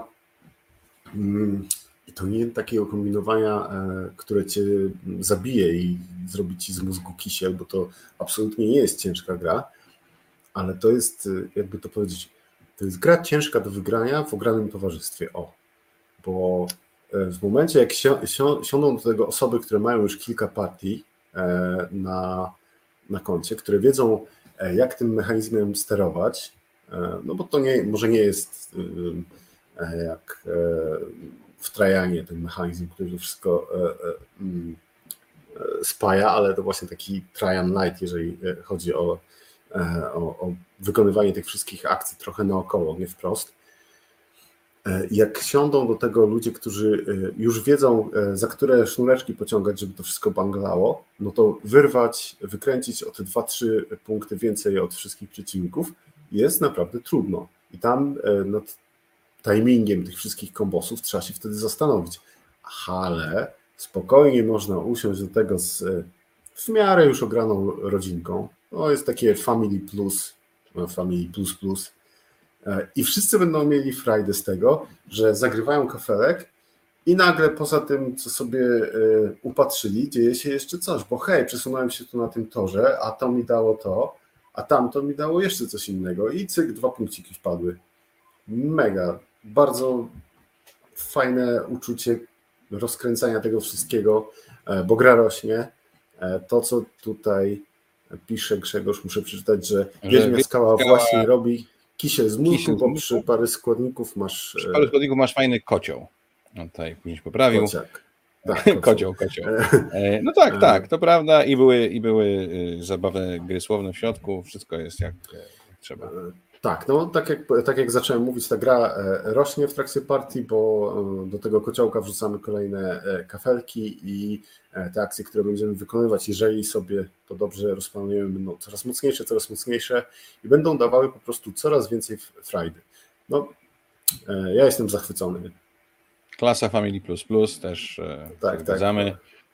Ja z ciekawostek tylko powiem, że mm, autorem ilustracji jedynym w grze jest Mariusz Ganzel, którego E, Pędzel był maczany w wielu różnych grach, e, takich jak Star Wars Rebellia. E, oczywiście tam był jednym z wielu, wielu, wielu artystów, mhm. ale w Witchstone tam był jedynym artystą. Ja go znam też z kolei bardziej od strony RPGowej, bo jest, to jest malarz, który też przygotowuje niesamowite ilustracje do na przykład polskiej linii Zewoktulu, także bardzo fajny. A Wiedźmia Skała, 1229 miejsce na PGG i 7,7, e, więc e, też już pewnie raczej tutaj mniej więcej zostanie, ale, ale fajnie. Cieszę się, że u Ciebie się pojawiła, bo zasługuje -hmm. na to, żeby być w tej topce. Ja po prostu grałem w lepsze gry niż tej, dlatego. E, w golema. No. Podium, podium. Jakoś tak jest, że są tacy autorzy, którzy budzą we mnie bardzo ambiwalentne uczucia. I tak jak kiedyś miałem okazję zagrać w Mombasę i się prawie popłakałem, jakie to było złe w cztery osoby. E, tak myślę, grałem w dwie i nie było najgorzej. E, Great Western Trail to jest męczarnia po prostu i naprawdę nie chciałbym to musieć już nigdy więcej grać. Ale mm, Amara Kaibo jest grą po prostu zepsutą, której zepsutą nie w sensie mechanicznym, tylko jest grą, którą mogą ci zepsuć gracze i to jest bardzo nieprzyjemne. Boon Lake, który jest u mnie na trzecim miejscu, natomiast nie popełnia żadnego z tych grzechów, e, daje ogromną frajdę, pozwala się rozpędzić, pozwala zbudować silniczek, a jednocześnie posiadając ten mechanizm krążenia, jaki widzieliśmy w Maracaibo, nie pozwala na zabicie gry przez współgraczy, dlatego że ktoś tam chce pędzić do przodu. E, I mega się przy tej grze bawię. E, I, i no, uważam, że Pfizer tutaj zrobił takie euro dla mnie. Oczywiście e, cały czas trzymam na serduszku Tybora Baumeistera, czy Tybora Buildera, czy jak się nazywa? Mm, Expedition to New Dale. Expedition to New Dale i te inne gry z, tej, z tego uniwersum, czyli A, Nieszczęść Boże. Zboże? O mój zboże, tak, o mój zboże. Szczęść zboże też byłoby dobre w sumie. Tak, Boon Lake, e, naprawdę robi wrażenie. Strasznie mi się podoba mechanizm tych, e, tych takich bonusów, które można sobie przesuwać do góry, do dołu na planszy. E, podoba mi się to, w jaki sposób na planszy jest coraz więcej naszych rzeczy, jak ona rośnie. E, trochę widzieliśmy to już na przykład w, mm, w tej grze. Ojejku.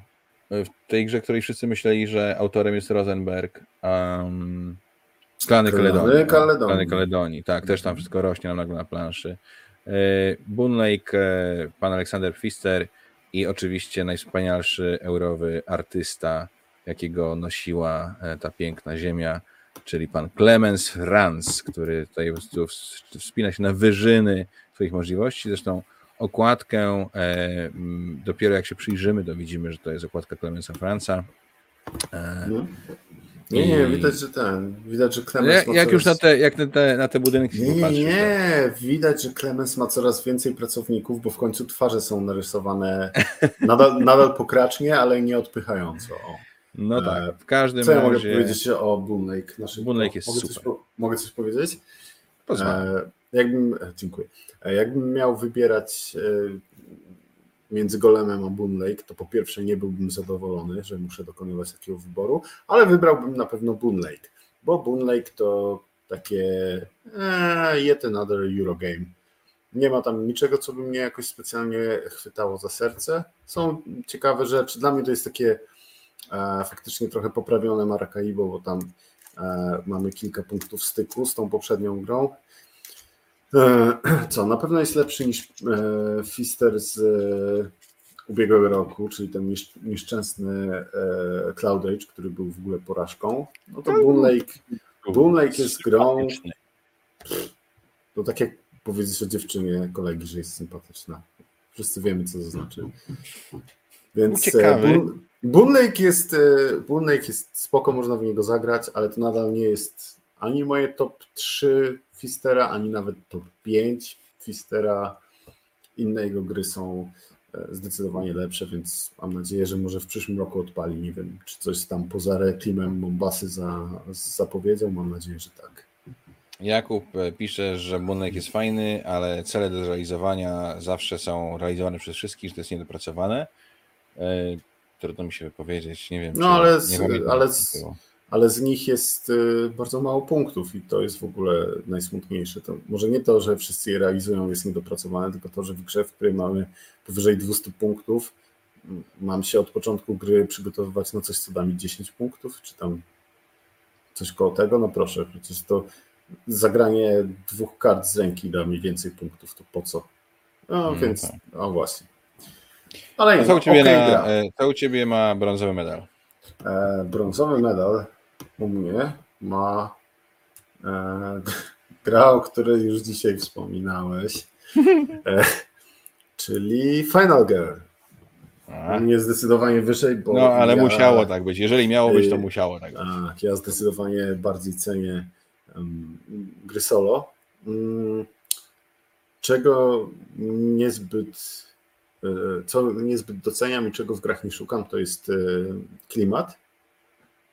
Ale tutaj naprawdę e, muszę, muszę docenić to, co, co w tej grze się zadziało, bo jeżeli robić e, klimat w grach, to właśnie tak, nie dlatego, że e, ponazywamy pionki jakoś i nie wiem, karta akcji będzie się nazywała sieczka, a karta przedmiotu się będzie nazywała piła mechaniczna. Nie, tam wszystko jest klimatyczne. Tam gdyby ktoś miał na tyle, e, na tyle mm, zaparcia, żeby notować przebieg partii, to bardzo łatwo z tego może wyjść jakieś tandetne, bo, bo tandetne, tak jak w sumie te horrory klasy C, ale sensowne opowiadanko, scenariusz krótkiego, e, krótkiego takiego e, strasznego filmu. No, gameplayowo E, podobnie do Hostage Negotiatora, ale to już e, jak wspominałem, mm, jak wspominałem kiedyś przy okazji ogrywania, e, jest i szerzej, i głębiej, decyzji jest więcej, E, rzutów kostką też jest więcej, ale mam wrażenie, że dostaję też więcej trochę narzędzi, żeby, e, żeby jakoś się wygrzebać z tych złych rzutów.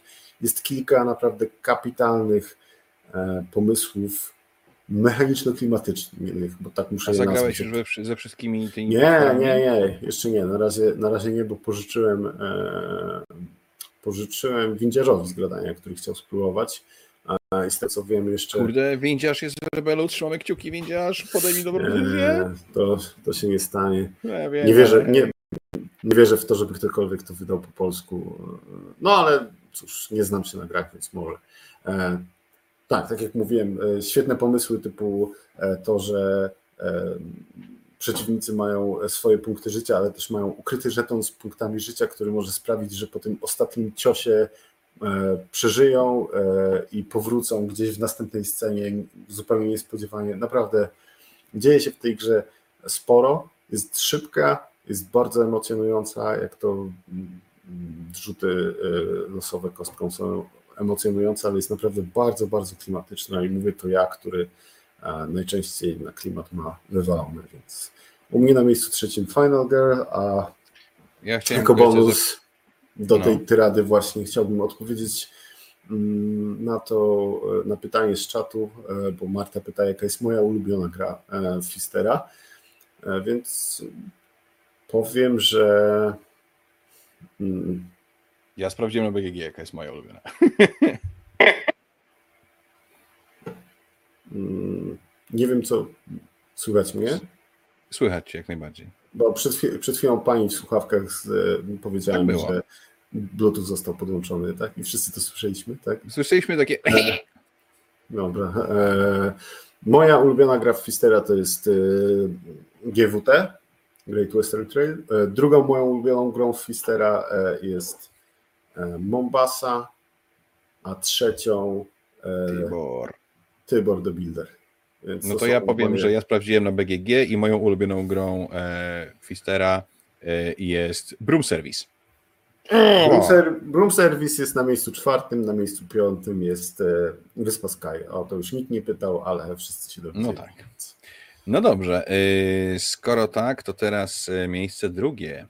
No tutaj miałem y, trochę twardy orzech do zgryzienia, bo decydowałem między naprawdę doskonałą grą, a dodatkiem do doskonałej gry, który sprawia, że ta gra jest jeszcze bardziej doskonała. Hmm. E, I na drugim miejscu wylądował dodatek. Więc y, myślę, że jak na dodatek to jest turbo wysoko. E, I tym dodatkiem jest właśnie. dodatek A No. widzisz, co się tu przewija na banerze? Top 10 gier 2021. I to jest przewał, myślisz? No, ja myślę, że to jest przewał wszystkich przewałów. To znaczy, że Ale wtedy wszystko by przeskoczyło jedno miejsce i Wiedźma Skała wyskoczyła na dziesiąte miejsce.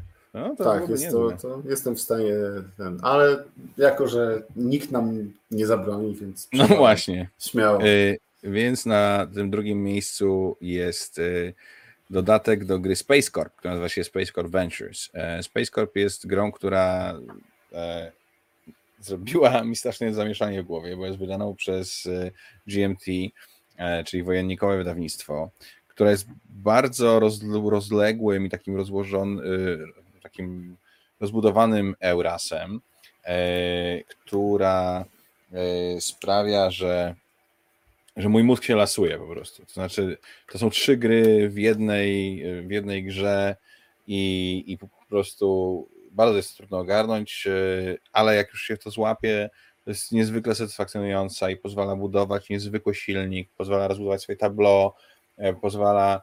e, Ona wylądowała zresztą w naszym zestawieniu e, takich e, najbardziej klimatycznych, e, znaczy e, gier euro, które najbardziej wprowadzają klimat e, i to rzeczywiście ten, ten, ten podbój kosmosu i rozwój ludzkości jest tam e, niesamowicie pokazany. Myślę, że ludzie, którzy znają się na fizyce i astrofizyce, mieliby jeszcze więcej frajdy z tego wszystkiego. Ale e, Ventures dodaje z kolei unikatowe zdolności poszczególnym graczom, co sprawia, że ta gra jest jeszcze ciekawsza i pozwala nam się troszeczkę zróżnicować e, od Mhm. startu tak naprawdę. E, I, i, sprawi, i, I ten dodatek sprawił, że mimo jej ciężkości i wagi, poważnie się zastanawiam, czy sobie jednak jej nie kupić i mieć na półce po to, żeby grać raz do roku z jakąś e, bandą nerdów i mieć z tego mnóstwo przyjemności. Także Space Cop Ventures tutaj. Co ciekawe, Ventures e, jest na tyle niszowym dodatkiem, że nie ma nawet swojego miejsca na BGG. W sensie tak miało mało ocen, że jest nie, nie rankowany. Tylko 147 ocen, ale ocenę z tych 147 ma 8,4. Nie ma lipy, naprawdę. Hmm. I, I w tych ocenach przeważają e, ósemki, dziewiątki i dziesiątki, jest kilka siódemek i, i szóstek e, jedna, jedna piątka, żadnej oceny niżej. Jest, jest duże wow. Więc jeżeli lubicie ciężkie, trudne i długie, rozbudowane rasy, to spróbujcie Space Corpa, a jak zagracie parę razy, zakupcie sobie Ventures. Hmm, e, niestety zarówno Ryszard, jak i Iwona i panie mówią, że to jest totalny, klasyczny przewał, ewidentny przewał. No jest, no. No, nie, no. no bez kitu. Tytuł sorry, no sorry, no. tego, czym mówimy, ma cztery słowa i ty z, jedno z nich zignorowałeś. To nie, jest... ja tam wstawiłem, bo to jest jak e, taki, no. wiesz, e, po prostu nie me, nie me H, to było nie me dodatków. Nie me do, I dodatków. Tak. I tak, dodatków, tak. dokładnie. Francuzi tak to czytają przecież. I czasopism, dokładnie, dokładnie. Wiadomo. E, dobrze, co ja mogę powiedzieć? Aha, o Space Corpie nie będę mówił, bo kiedyś tam obaj rozmawialiśmy. Powiem Ci tylko, że Franek kupił, więc może poczekaj, czy do końca roku zagrasz z nim i wtedy podejmij tę szaloną decyzję zakupową. Dobrze. E, tak bym proponował. Na pewno, oczywiście logika drugim. w podejmowaniu decyzji zakupowych zawsze jest w, na pierwszym miejscu w moim tutaj Nie, no bez kitu, raz rankingu czynników. E, czy mieliśmy, e, Ryszard pyta na czacie, czy mieliśmy jakąś topkę bez żadnego przewału. Myślę, że moglibyśmy zrobić topkę naszych przewałów w topkach, bo tyle ich było, więc wydaje mi się, że nie, nie mieliśmy topki, w której któryś coś czego...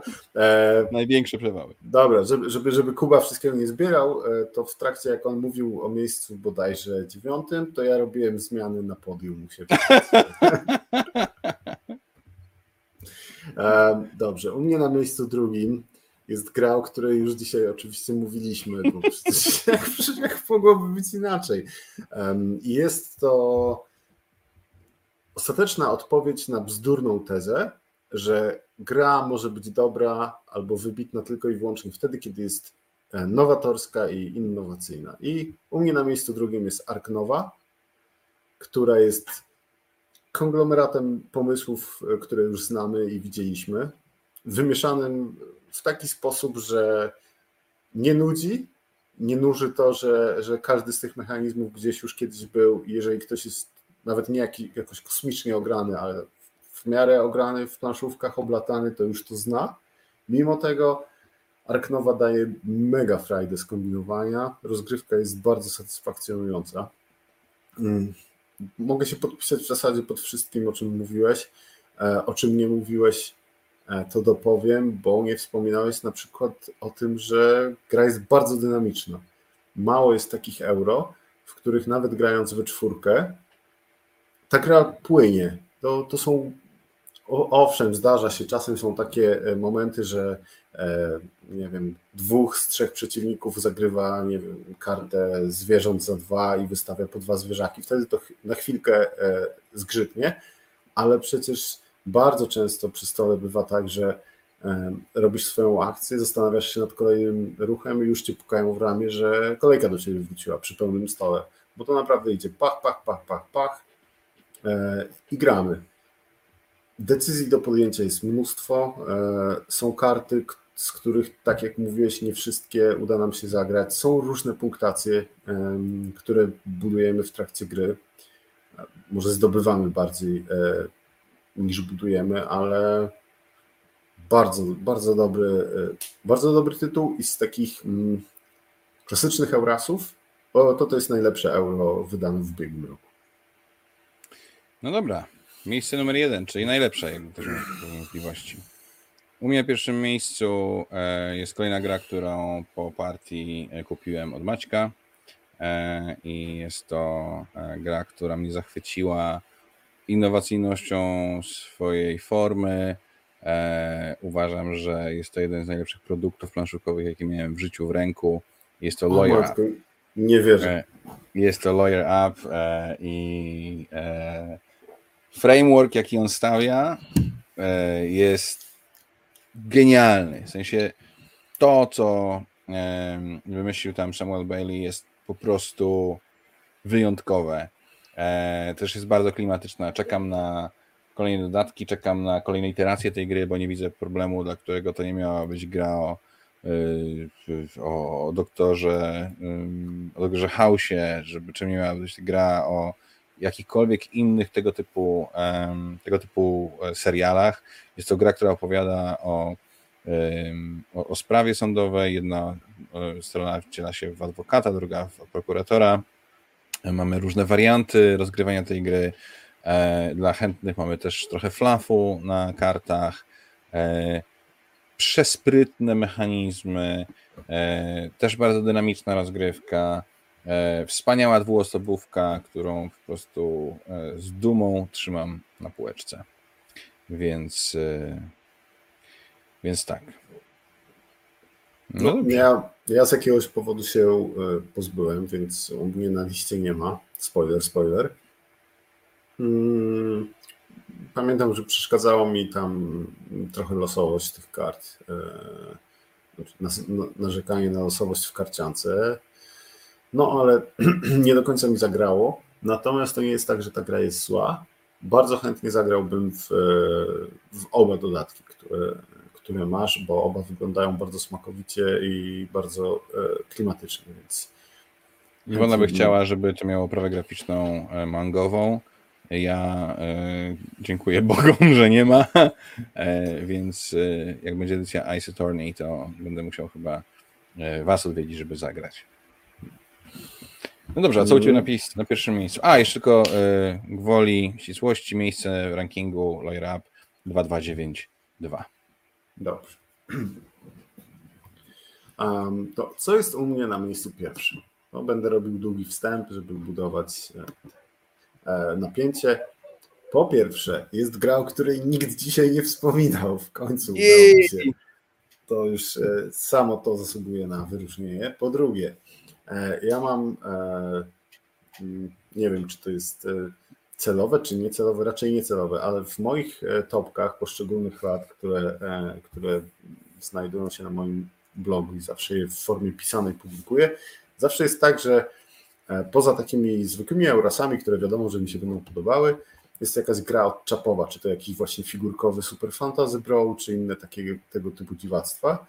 E, no i też jakoś tak się składa, że doceniam gry twojego wydawnictwa, czyli e, Board and Dice. No, robicie takie dobre euro, takie solidne euro, do którego ja siadam i zawsze, zawsze przynajmniej jedna z tych wydanych gier mi, e, od Was mi zaklika. E, no w tym roku już na, e, we wzmiankach był, było Tabanussi, ale teraz na miejscu pierwszym składam te wszystkie rzeczy, o których powiedziałem do kupy. Jest gra nietypowa, nie będąca klasycznym Eurasem od Waszego wydawnictwa, czyli Dark Ages. Dark Ages nie mogło znaleźć się nigdzie indziej niż na pierwszym miejscu tej listy, bo moi drodzy, to naprawdę jest najlepsza gra wydana w 2021 roku. To jest. Mm, to jest z jednej strony niby area control, w które można grać bez area control, gdzie można się obudować e, w swojej startowej prowincji, trzymać punkty na czymś innym, bo mamy kilka różnych źródeł punktów, kilka różnych triggerów końca gry. Wszystkie te źródła punktów wydają się być e, równie kaloryczne. Można spokojnie wygrać e, jadąc jak walec i klepiąc innych, ale i to bardzo, e, bardzo dobry, znaczy bardzo duży plus dla mnie. Walka jest tam dosyć um, droga. Jeżeli dostanę bęcki, to odbudowanie armii, przynajmniej na początku gry, jest ciężkie z wielu poziomów, ciężko, znaczy z wielu powodów. Mamy kilka różnych sprytnych mechanizmów, tam ograniczeniem liczby przechowywanych surowców, więc nie jest tak, że, że będę siedział na kupce kamienia, patyka i no, dostanę bęcki, to sobie w dwie tury to wszystko odbuduję i dalej do przodu. Nie można też mieć nieskończonej liczby jednostek, bo są różne parametry, które nas ograniczają. Ja grając, przepraszam, w Dark Ages miałem mm, mocno takie mm, odczucia eklipsowate. Widziałem sporo, sporo wspólnego z tych gier, znaczy w tych grach. Mamy rozwój naszej frakcji przez, przez różne technologie, między innymi technologie militarne, trochę takie budowanie naszych statków w Eclipsie. Jest pewna mm, mm, doza eksploracji, bo niby całą planszę mamy od razu widoczną, ale żetony barbarzyńców e, są po części losowe. Jest bardzo dużo sprytnych rzeczy tam. Mm, I co mogę więcej powiedzieć? Świetna sprawa.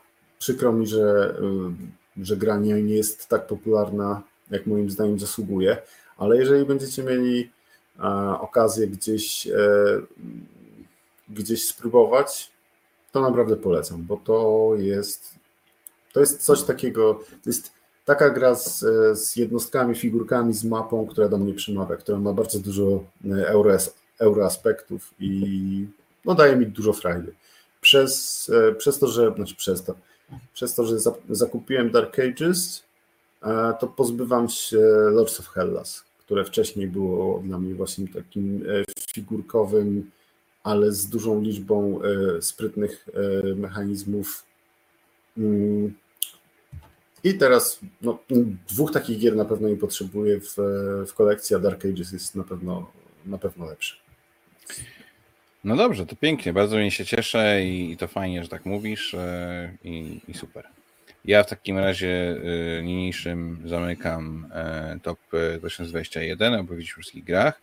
Przerwa na newsy. W trakcie naszej audycji e, Gaming Games e, ogłosiło, że 10 maja na Kickstarterze rusza Tiny Epic Vikings. A ponieważ Tiny Epic to jest seria, którą, na którą zawsze patrzymy z ogromnym zainteresowaniem, choć do tej pory tak naprawdę tylko jedna z tych gier nas zniszczyła i to było Tiny Epic Galaxies, a druga Tiny Epic Zombies jest fajna, E, no plus ja jeszcze się dobrze bawię w pokerze. E, tym no, odwrót. E, Zombies, Zombies jest super, a Galaxis jest spoko. Ale na przykład ostatnią, znaczy najnowszą grę sobie całkiem odpuściłem, bo to. Ale wikingowie już ją. Dobrze, słuchajcie. Minęło już godzina 36 minut naszej rozmowy. My mamy jeszcze zaplanowane to, żeby przelecieć choćby okiem przez listę gier, które mieliśmy w 2021 roku, miały nam się spodobać. E, chcieliśmy też rozwiązać konkurs, e, więc mam nadzieję, że jeszcze wytrzymacie z nami 15, może 20 minut. Chyba spróbujemy, co Maciek? No, do, do dwóch godzin się, e, z, ten, się zmieścimy. Więc zacznijmy od gier, które nam, które dla nas były interesujące w 2021 roku. No i po pierwsze, o, może tak będzie wygodnie, będzie mhm. lepiej widzieć. E, Race to Moscow. E, ja nie grałem, ty grałeś i już sprzedałeś. Ja grałem tylko solo, już poleciało dzisiaj do nowego właściciela. E, tryb solo miał być super fajny i dużo lepszy niż w wyścigu do Renu. Moim zdaniem nie był. Dodatkowo instrukcja jest napisana źle.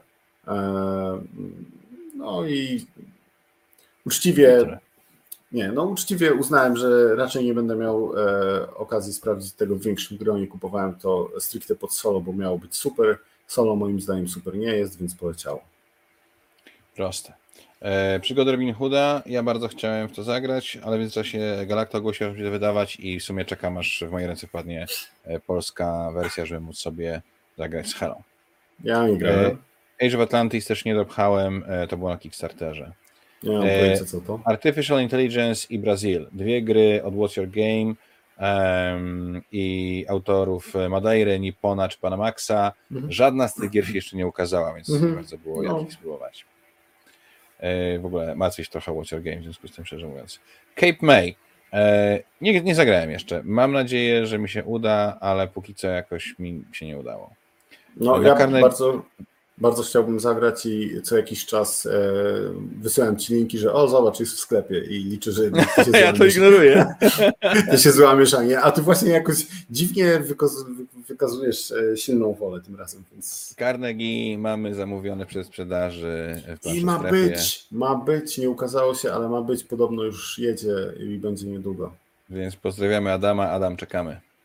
Yy, Kartografę Herosi to jest gra, która wyleciała z honorowych zmianek. To jest, yy, bo uznałem, że nie wrzucę dodatku. Dodatku.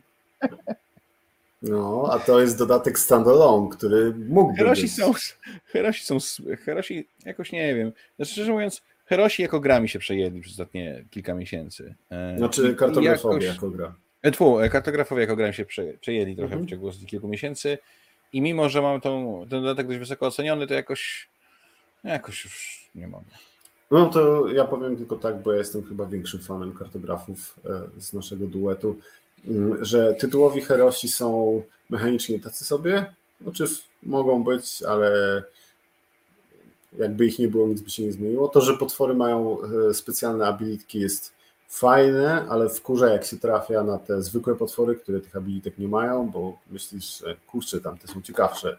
E, A brak, bo tak jak wspomniałem, e, Herosi mogą być e, samodzielną podstawką, brak kart ruin tutaj, to jest dramat, bo te karty ruin są bardzo ciekawe w podstawce i no, dają fajną decyzyjność. I to, że tu ich nie ma i można grać bez nich jest słabe, więc jeżeli chcielibyście mieć jedną podstawkę i zastanawiać się, którą, to tę pierwszą. E, Marta pyta, czy Dark Ages jest bardzo zależny językowo, turbo zależny. Tam jest Jak setki cholera. kart i no nie ma opcji. To musisz Mhm. mieć e, w języku, który rozumiesz. I to jeszcze trzymasz te karty na ręku. Nie, Tak. to nie ma, nie ma takiej opcji. E, Co dalej? Clash of Cultures. Ja nie zagrałem, ty zagrałeś. Zagrałem. Nie Mm, wylądowało w topce. Nie, szanuję, doceniam. Znaczy nie mogło wylądować w topce jako wiesz, reedycja. Ja nie wrzucam A. takich rzeczy, które ten, Nie robisz przewału. ale, Tak, tak, ja mam, ja mam zasady. Ja Masz mam honor. zasady. E, planszówkowicza, tak. Nie, no słuchajcie, ja rozumiem, dlaczego to się podoba em, tak szerokiemu e, gromu osób, no ale ja do nich nie należę. Jest jedna gra cywilizacyjna, która jest prawdziwą grą cywilizacyjną i nie jest to Clash, więc możemy iść dalej.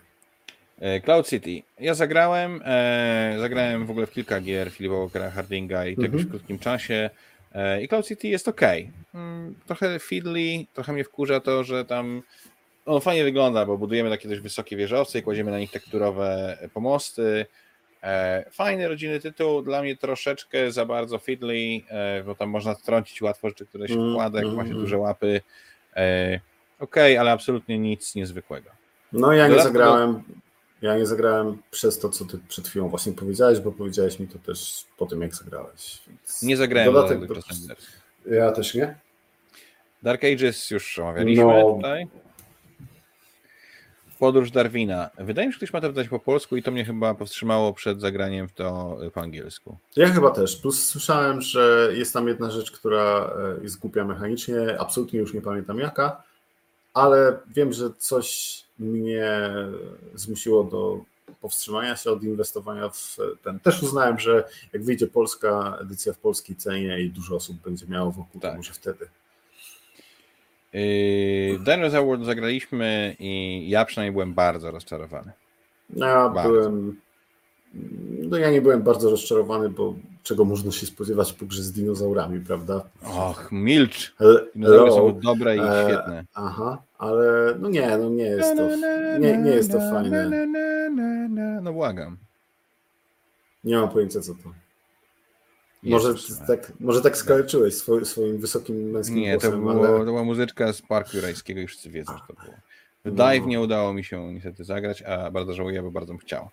Bo lubię i programowanie akcji i bardzo mi się podoba e, ten, te arty. Natomiast Species Marine, e, szczerze mówiąc, ty to wrzuciłeś na listę, ale ja usłyszałem, że to jest po prostu Dominant Species Light. I no ja to też, mnie ale trochę odpycha od tego, bo Ale jednak Dominant skoro- Species Dominant Species- za, za to, no ja jest. też. Ja lubię zagrać w Dominantę raz na 3 lata, a w Dominantę Light może bym grał raz do roku, więc dlatego chciałem No, sprawdzić. jak wyda, to Ale nie wreszcie zagrałem. To na pewno zagramy. Mhm. Duel of Ones, e, nie miałem niestety, nie udało mi się tego dostać w swoje ręce, aż do zeszłego tygodnia, kiedy Maciek zrobił mi prezent i dostałem. Jeszcze nie zagrałem, ale mam przeczytaną instrukcję i jestem gotów. Okej. E, Ja nie, obviously nie. No i jeden nie wyszedł. Eleven. Eleven. Nie wyszedł, E. więc e, w, jak wyjdzie, Ale, to po, ale tak, bardzo chętnie zagramy. Znaczy, ja nadal już jestem omówiliśmy. Zajarany, tak. Emb- Embarcadero ty wrzucałeś, a ja, ja się zachwyciłem. Dodatek do Fantasy Realms nie zagrałem, bo nie znam nikogo, kto by chciał ze mną grać w Fantasy Realms i jest mi smutno. Mm. Final Girl było mówione, wspaniałe. Foundations of Rome. Nie znam nikogo, kto to ma, a ja nie wydam takich pieniędzy. Czy to, czy to jest właśnie ta, ta, ogro, ta mm, Tak, tak, tam gra ponad za- 100 dolarów i tak dalej. Lol. E, Frostpunk miałem okazję tylko grać e, w tym, e, w wersji online i to, co Ja widziałem, też. zrobiło mnie bardzo duże wrażenie. Jak wyjdzie w też. wersji fizycznej, to chętnie zagram. Aczkolwiek, e, tak jak mówiłem, dla mnie to będzie gra solo. Dwie osoby, jak ktoś jest bardzo uparty i kocha koopy całym sercem. Zobaczymy. E, Chasing Ghost pyta, czy ktoś ma planie wydać Dark Ages w Polsce. Z tego co wiem, nie. No. Glory Game of Nice. Graliśmy. E, Gra, która nas bardzo zaskoczyła. Gra, która Tak. miała potencjał na to, żeby być straszną kiszką i kaszaną, a okazała się być naprawdę fajnym pojedynkowym tytułem z jakimś tam elementem worker placementu, który nie jest najważniejszy w tej grze i też nie jest najlepszą jej stroną. Z perspektywy ale- czasu y, już bym powiedział troszkę ostrzej, że nie jest całkiem fajna. Jest przeciętna. W sensie to nie jest kasztan, a naprawdę miał szansę być na to, co tam w tej grze się dzieje, na, na to, jaka jest walka, na, inaczej, jak, jak beznadziejnie e, sknocona mogłaby być walka, a nie jest, bo jest całkiem spry, sprytna, mimo tego, że, e, że jest tam duży element losowości i sporo kostek. Natomiast bardzo z perspektywy czasu w dół e, pociągno, pociągnęła u mnie tę grę ta no, połowa, to jest połowa gry e, worker placementowa, która jest nudna, nijaka, nic się tam nie dzieje i musi być, bo inaczej ta ciekawsza rzecz by nie działała. Więc O Golemie już mówiliśmy. gadaliśmy. Więc pozwólcie, że przewinę do góry, żeby nie przewijać później, jak już pojawią się tytuły, które tutaj były, żebyście mieli chociaż lekką zaskoczkę. Bardzo proszę. E, Co mamy na drugiej stronie? Otwórz się sezamie. Di, di, di. O, się ładuje. Mam. E, Dodatek do Grand, Grand Asia Hotel. E, Czekam na wydanie nasze tutejsze i sobie na pewno dokupię. Jeszcze nie zagrałem. Mhm. Mur Hadriana. No. Ktoś pytał, czy będą kasztany 21 roku. Pamiętasz, jakie to było mm, przygnębiające? Mhm. Znaczy, ja tak bardzo chciałem, Ale, żeby ale, gra, ale. gra mi się spodobała. a znajomych, ona, Mam znajomych, którym podrzuciłem Fleet the Dice Game i stwierdzili, że no nie no, Mur Hadriana to to nie jest. Więc y, ma swoich fanów w takim razie. No. no, wiele rzeczy ma, ale to nie jest dobra gra. Więc Mm, mm. Nie dla mi. Nas. ISS Vanguard jeszcze nie ma. Dalej bardzo chcę zagrać też. Chcę popatrzeć na te ilustracje w środku chociaż. Kora. Hu! Przepraszam. Zagrajmy jeszcze raz w Mur Hadriana właściwie. Może. nie, nie, to Nie? Jednak w Korę byś zagrał bardziej? Tak, No nie wiem. no. Kokopeli. Zagraliśmy, odhaczyliśmy, zrecenzowane. Odkładamy na półkę tytułów, które Stefan Feld y, zrobił, żeby wyremontować. Odbębnił. rękę. Podobno się nie znamy, dostało mi się za, za to, co mówiłem o Kokopeli, ale no, podtrzymuję, że takie gry to Feld robi w przerwie na papierosa, chociaż nie wiem, czy pali, ale to Pewnie jest nie. gra, którą projektuje w Ale łazienka się sama nie wyremontuje i to szanuję. Jasne. Lawyer Up, wiadomix. Lions of Lydia. Cały czas nie wpadło w moje ręce. Grałem Nie mam pojęcia, co to. Bardzo bym chciał to zagrać. To jest, em, to jest gra mm, autora Sierra West. Bardzo Mhm. fajne euro i jak tylko gdzieś się pojawi, to kupię i zagramy, bo było to dobre. E, Magna Roma, przykro mi, nic nie wiem o tej grze dalej. Jak widać, nadal nie dorobiła się ilustracji, więc Mercado de Lisboa. O kurczę, to O. jednak wolę zagrać i w Korę, i w Mur Hadriana, chociaż Mercado de Lisboa jest o tyle przyjemne, że jest krótkie.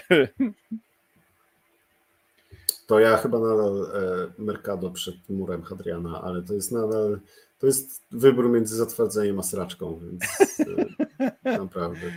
Muzeum Piktura, czyli dodatek do muzeum jeszcze e, nie ma, więc e, jak będzie, to, to zagram. My Father's Work tak samo, bardzo bym chciał Nie, wy, nie wyszło chyba jeszcze. ale jeszcze nie wyszło. Mhm. Nie dawali Think Valir.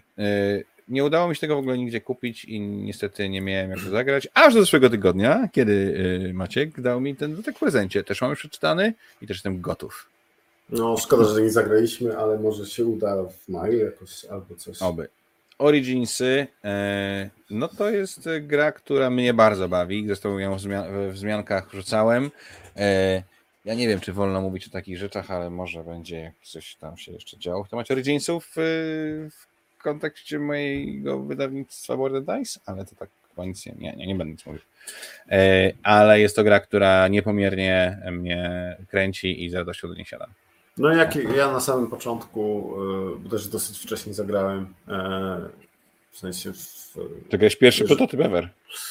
Tak, tak, ale chodzi mi o to już o finalny produkt. E, A. Gdzieś tam była w, e, była w którejś tam wcześniejszej e, iteracji mojej listy, a później się osuwała, osuwała, osuwała. E, To nie jest zła gra, e, ale jednak inne poznane w ubiegłym roku mi dawały więcej frajdy, chociaż tu jest kilka cwanych pomysłów.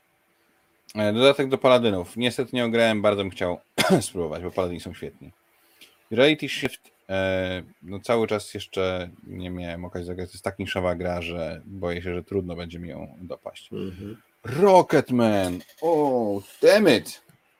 No, Było coś takiego. Rocketman, no tak. Hmm. Jakby to powiedzieć? Jest to gra, o której Ja wiem, jak to- ja wiem- ja wiem, jak- 2021 Ja wiem, jak to roku. powiedzieć. No, Mar- Martin Wallace zrobił to ponownie. To, co robi od dłuższego czasu, czyli robi kiepskie gry. Niestety. no tak. Marta tutaj narzeka, że Origins jest fajne, ale mało czytelne. No, może, przepraszam. To przeze mnie. To naprawdę przeze mnie, więc przepraszam. No ja wiem, ale e, no trochę jest. Eee, Skyrise. Niestety chyba jeszcze się nie pojawiło, a bardzo bym chciał e, zagrać, bo Metropolis e, z linii Ishtar Originals jest jednym z najfajniejszych rzeczy, które pojawiły się kiedykolwiek na moim stole, a ten Skyrise wygląda obłędnie okładka, więc bardzo bym chciał spróbować.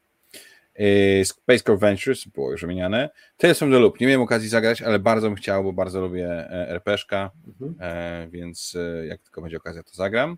Ten Penny Parks to się dopiero e, chyba Produkuje. będzie pojawiało. Tak, produkuje. Terraforming Dice Game niestety nie było okazji zagrać, e, bo to było jeszcze na etapie bardzo wczesnego prototypu i tego niepokazywanego publiczności na SN. Mhm. E, Think the Board Game. Czekam z niecierpliwością na e, wydanie Galakty. Muszę powiedzieć, że jestem już turbo blisko naciśnięcia guzika kup to. Tiny Epic Pirates. To chyba jeszcze nie, nie wyszło, nie wyszło? No jak nie? Oczywiście, że graliśmy. Kolejna. A gra, graliśmy w to. Oj, oj, oj. Pamiętam. To ja może przewinę. No, nie było za specjalne. E, Total, Total Domination nie wyszło.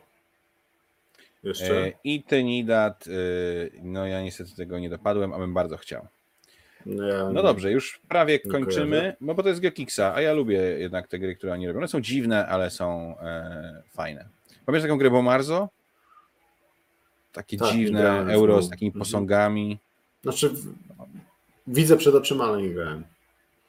E, dodatek do Twilight Struggle. Ja się trochę Nie, boję. nie, dodatku nie do- dodatek, nie dodatek, tylko gra standalone 45 minut, taki Watergate, tylko że Twilight, Twilight Struggle'owy. Więc to może być dobre. Bo No, po co dobra. szukać po co szukać zimnej wojny na godzinę albo na trzy kwadranse, skoro wyjdzie zimna wojna na godzinę albo trzy No okej. kwadranse. Dlatego jest na Okej. liście, ale nie wyszło. Eee, no tak, no, prze, przepraszam, ale Rocketman jakoś wypadł mi z głowy. Eee, Vampire the Masquerade. Nie, nie dostałem w swoje ręce, a bardzo chciał, bo to jest fajny RPG. Dodatek do Zangło nie wyszedł. Naprawdę, co się dzieje z Mhm. What's Your Game? Ja się boję, że oni się wywalą zaraz, no bo mają, przesuwają plany, nie wydają nowych gier.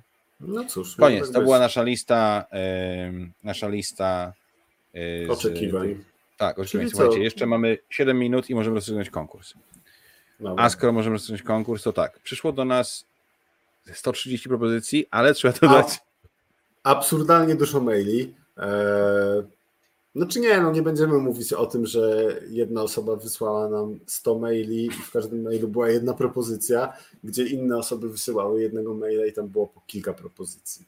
Sumarycznie e, faktycznie tych propozycji topek było myślę, że ze 120-130, tak jak mówisz, co jest no absurdalne. Dla nas zadziwiające. Tak. Słuchajcie, yy, więc tak, yy, wiele z tych tematów było naprawdę świetnych i wiele z tych tematów yy, będziemy wykorzystywać na pewno. I jakby to, to absolutnie bardzo dziękujemy i to jest super, no ale konkurs to konkurs i tylko jedna osoba mogła, e, mogła tę grę wygrać. E, I cóż, mieliśmy takie, takie, takie sześć e, tematów, które podobały nam się obu bardzo, bo każdy sobie tam wybrał to, które się najbardziej podobało, ale sześć się e, powtarzało. E, I niektóre z nich, no i musieliśmy jakoś wybrać. E, musieliśmy jakoś wybrać, który z nich będzie tym tematem. Trzy tematy, które znalazły się zupełnie poza podium, znaczy po prostu na miejscach, egzekwo na miejscu czwartym, to, były, to było top 10 gier, których Mateo i Kuba nie znoszą.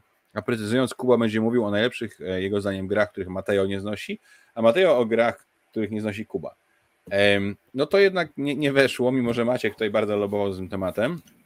Dla mnie e, my się kłócimy i tak bez tego, więc po co tutaj nam to jeszcze bardziej A ja bym odkręcać? chciał. Mam nadzieję, że może... Do... No na pewno, bo to fajny temat. Top gier, który e, lubią grać z wami żony, też bardzo fajny temat i mhm. przypuszczam, że go, jestem pewien, że go zrobimy. E, więc to na pewno gdzieś tam się e, pojawi. I jeszcze jedna e, gra, czyli lista gier, które dostały u nas i wykorzystały drugą szansę, czyli gry, które nas mocno rozczarowały za pierwszym podejściem, ale później jakimś trafem wrócili do łask. Szczerze mówiąc, dla mnie największą wadą tego pomysłu, który jest świetny, jest, są technikalia. W sensie mhm. Ja też nie wiem, jak. Musiałbym stanąć na głowie, żeby wymyślić, jak to zrobić, żeby to zrobić. Znaczy, ja mogę powiedzieć top 3, bo to są takie gry, o których pamiętam i mogę je powiedzieć teraz z głowy, -hmm. ale wydaje mi się, że dokoptowanie kolejnych siedmiu będzie dla mnie dużym problemem. Tak, e... także nie wiem, czy ten temat zrobimy, ale sam pomysł ekstra. Znaczy, zrobimy być może w ściętej for formule, zrobimy po pięć, po trzy. Może. A, ale sam temat jest ciekawy, tak. Tak. Na trzecim miejscu znalazł się temat top 10 mózgożernych, zaawansowanych gier, nad którymi nie trzeba spędzać całego wieczoru. Bardzo fajny temat, na 100% będziemy go robić. Znaczy tu, tutaj Kuba mocno lobbował, e, ale tak, może, e, znaczy może, tak jak mówię, o wszystkich tych sześciu wymienionych postaramy się pogadać, e, więc pewnie ten też się doczeka swojego. Tak. Yy, jest też e, na, na, drugim miejscu, czyli tuż o, o, oczko, jest taki temat, e, ktoś zaproponował e, top 10 najgorszych gier znanych i lubionych przez projektantów. Ja będę lobował mocno tym, żeby tą formułę nieco zmienić, czyli wziąć 10 projektantów, których rzeczywiście bardzo lubimy i przedstawić w jednej topce jego najlepszą i najgorszą grę naszym zdaniem. Myślę, mhm. że zrobimy to może w ten sposób, że uzgodnimy tych 10 projektantów i każdy nas poda najlepszą, najgorszą, mhm. którą, tak, tak, e, tak. którą znamy tego autora. To jest bardzo, bardzo fajny temat, zwłaszcza, że taki mistrz Feld też ma swoje kasztany, które gdzieś Oj, tam ma. E, parzą. Oj ma. E, Rosenberg, no właściwie, o, temat rzeka. Wszyscy. Super. Bardzo, bardzo fajny temat. No ale jednak y, król jest tylko jeden, tak samo jak jest tylko jedna gra na świecie, która ma sens, jeżeli chodzi o gry deckbuildingowe. E, I dominatorem tego konkursu. E, Czyli jednak masz ten Mage Knighta jako nagrodę? Dominatorem tego konkursu, który obaj uznaliśmy, że e, musimy go zrobić, bo jest świetny, to jest lista gier, w które nie zagraliśmy i nam jest z tego powodu głupio i wstyd. To tak bardzo pasuje do naszego podcastu, żeby nam będzie głupio i wstyd, mhm. że aż nam, aż nam serca zatrzepotały. To e, jest, e, słuchajcie, e, to jest głupie, co teraz powiem, ale żadna nowość. Gdyby ten temat brzmiał top 10 gier, w które nie zagraliście, to bym go ominął. Ale top 10 gier, w które nie zagraliście i jest z tego powodu wam głupio i wstyd, sprawiło, że tak, muszę o tym powiedzieć, muszę się podzielić tak. tym. Tak, e, autorem tego tematu, tego pomysłu jest Artur. E, Artur, napisz do nas jeszcze raz. E, może nie, my, my, napiszemy, my, my napiszemy do ciebie jeszcze raz. E, serdecznie gratulujemy i jak obiecałem, będzie jakaś gra i to będzie bardzo fajna gra, bo być może jakiś hint podrzuciłem, e, zapowiadając to pierwsze miejsce, ale wydawnictwo Juwi, e, czyli tak naprawdę Ręcyma Marcina e, Robki i Wioli Kijowskiej wydało, wydaje znowu na polskim rynku Dominiona, czyli najlepszą, jedyną i najpotężniejszą i wspanialszą grę deck buildingową, jaka istnieje. Ja miałem tę przyjemność, że dostałem od nich pudełko podstawki do Dominiona w tej nowej edycji, czyli z logo Juwi na okładce i oczywiście ona jest kompatybilna z innymi edycjami i tak dalej. Także Artur, e, to pudełko e, prosto z prasy drukarskiej wysyłane przez Marcina i Wiele do mnie trafia w Twoje ręce. Zafoliowane, śliczniutkie, piękniutkie. Mam nadzieję, że zrobisz z niego e, dobry użytek i będziesz tłukł i zdobywał prowincję i kupował złocisze i będziesz się świetnie bawił. Także wielkie, wielkie dzięki. E, tutaj jeszcze tylko szybka odpowiedź na pytanie, a czy coś czysto o polskich autorach? Dwa odcinki temu chyba robiliśmy odcinek o najlepszych grach polskich autorów, także bardzo serdecznie e, polecamy. E, I Iwona pyta, czy będziemy, planujemy terapię grupową w temacie gier, które nie graliśmy, jest nam głupio i wstyd.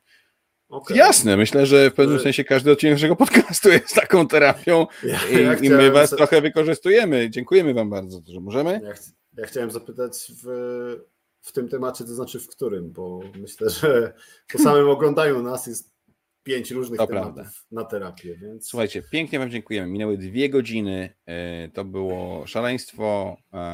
E, Cieszymy się bardzo, że byliście z nami w odcinku 15 i być może ostatnim Ciecznany Planszówek. Jeżeli nie będzie no, ostatni, to się usłyszymy w maju. A nie, no przecież.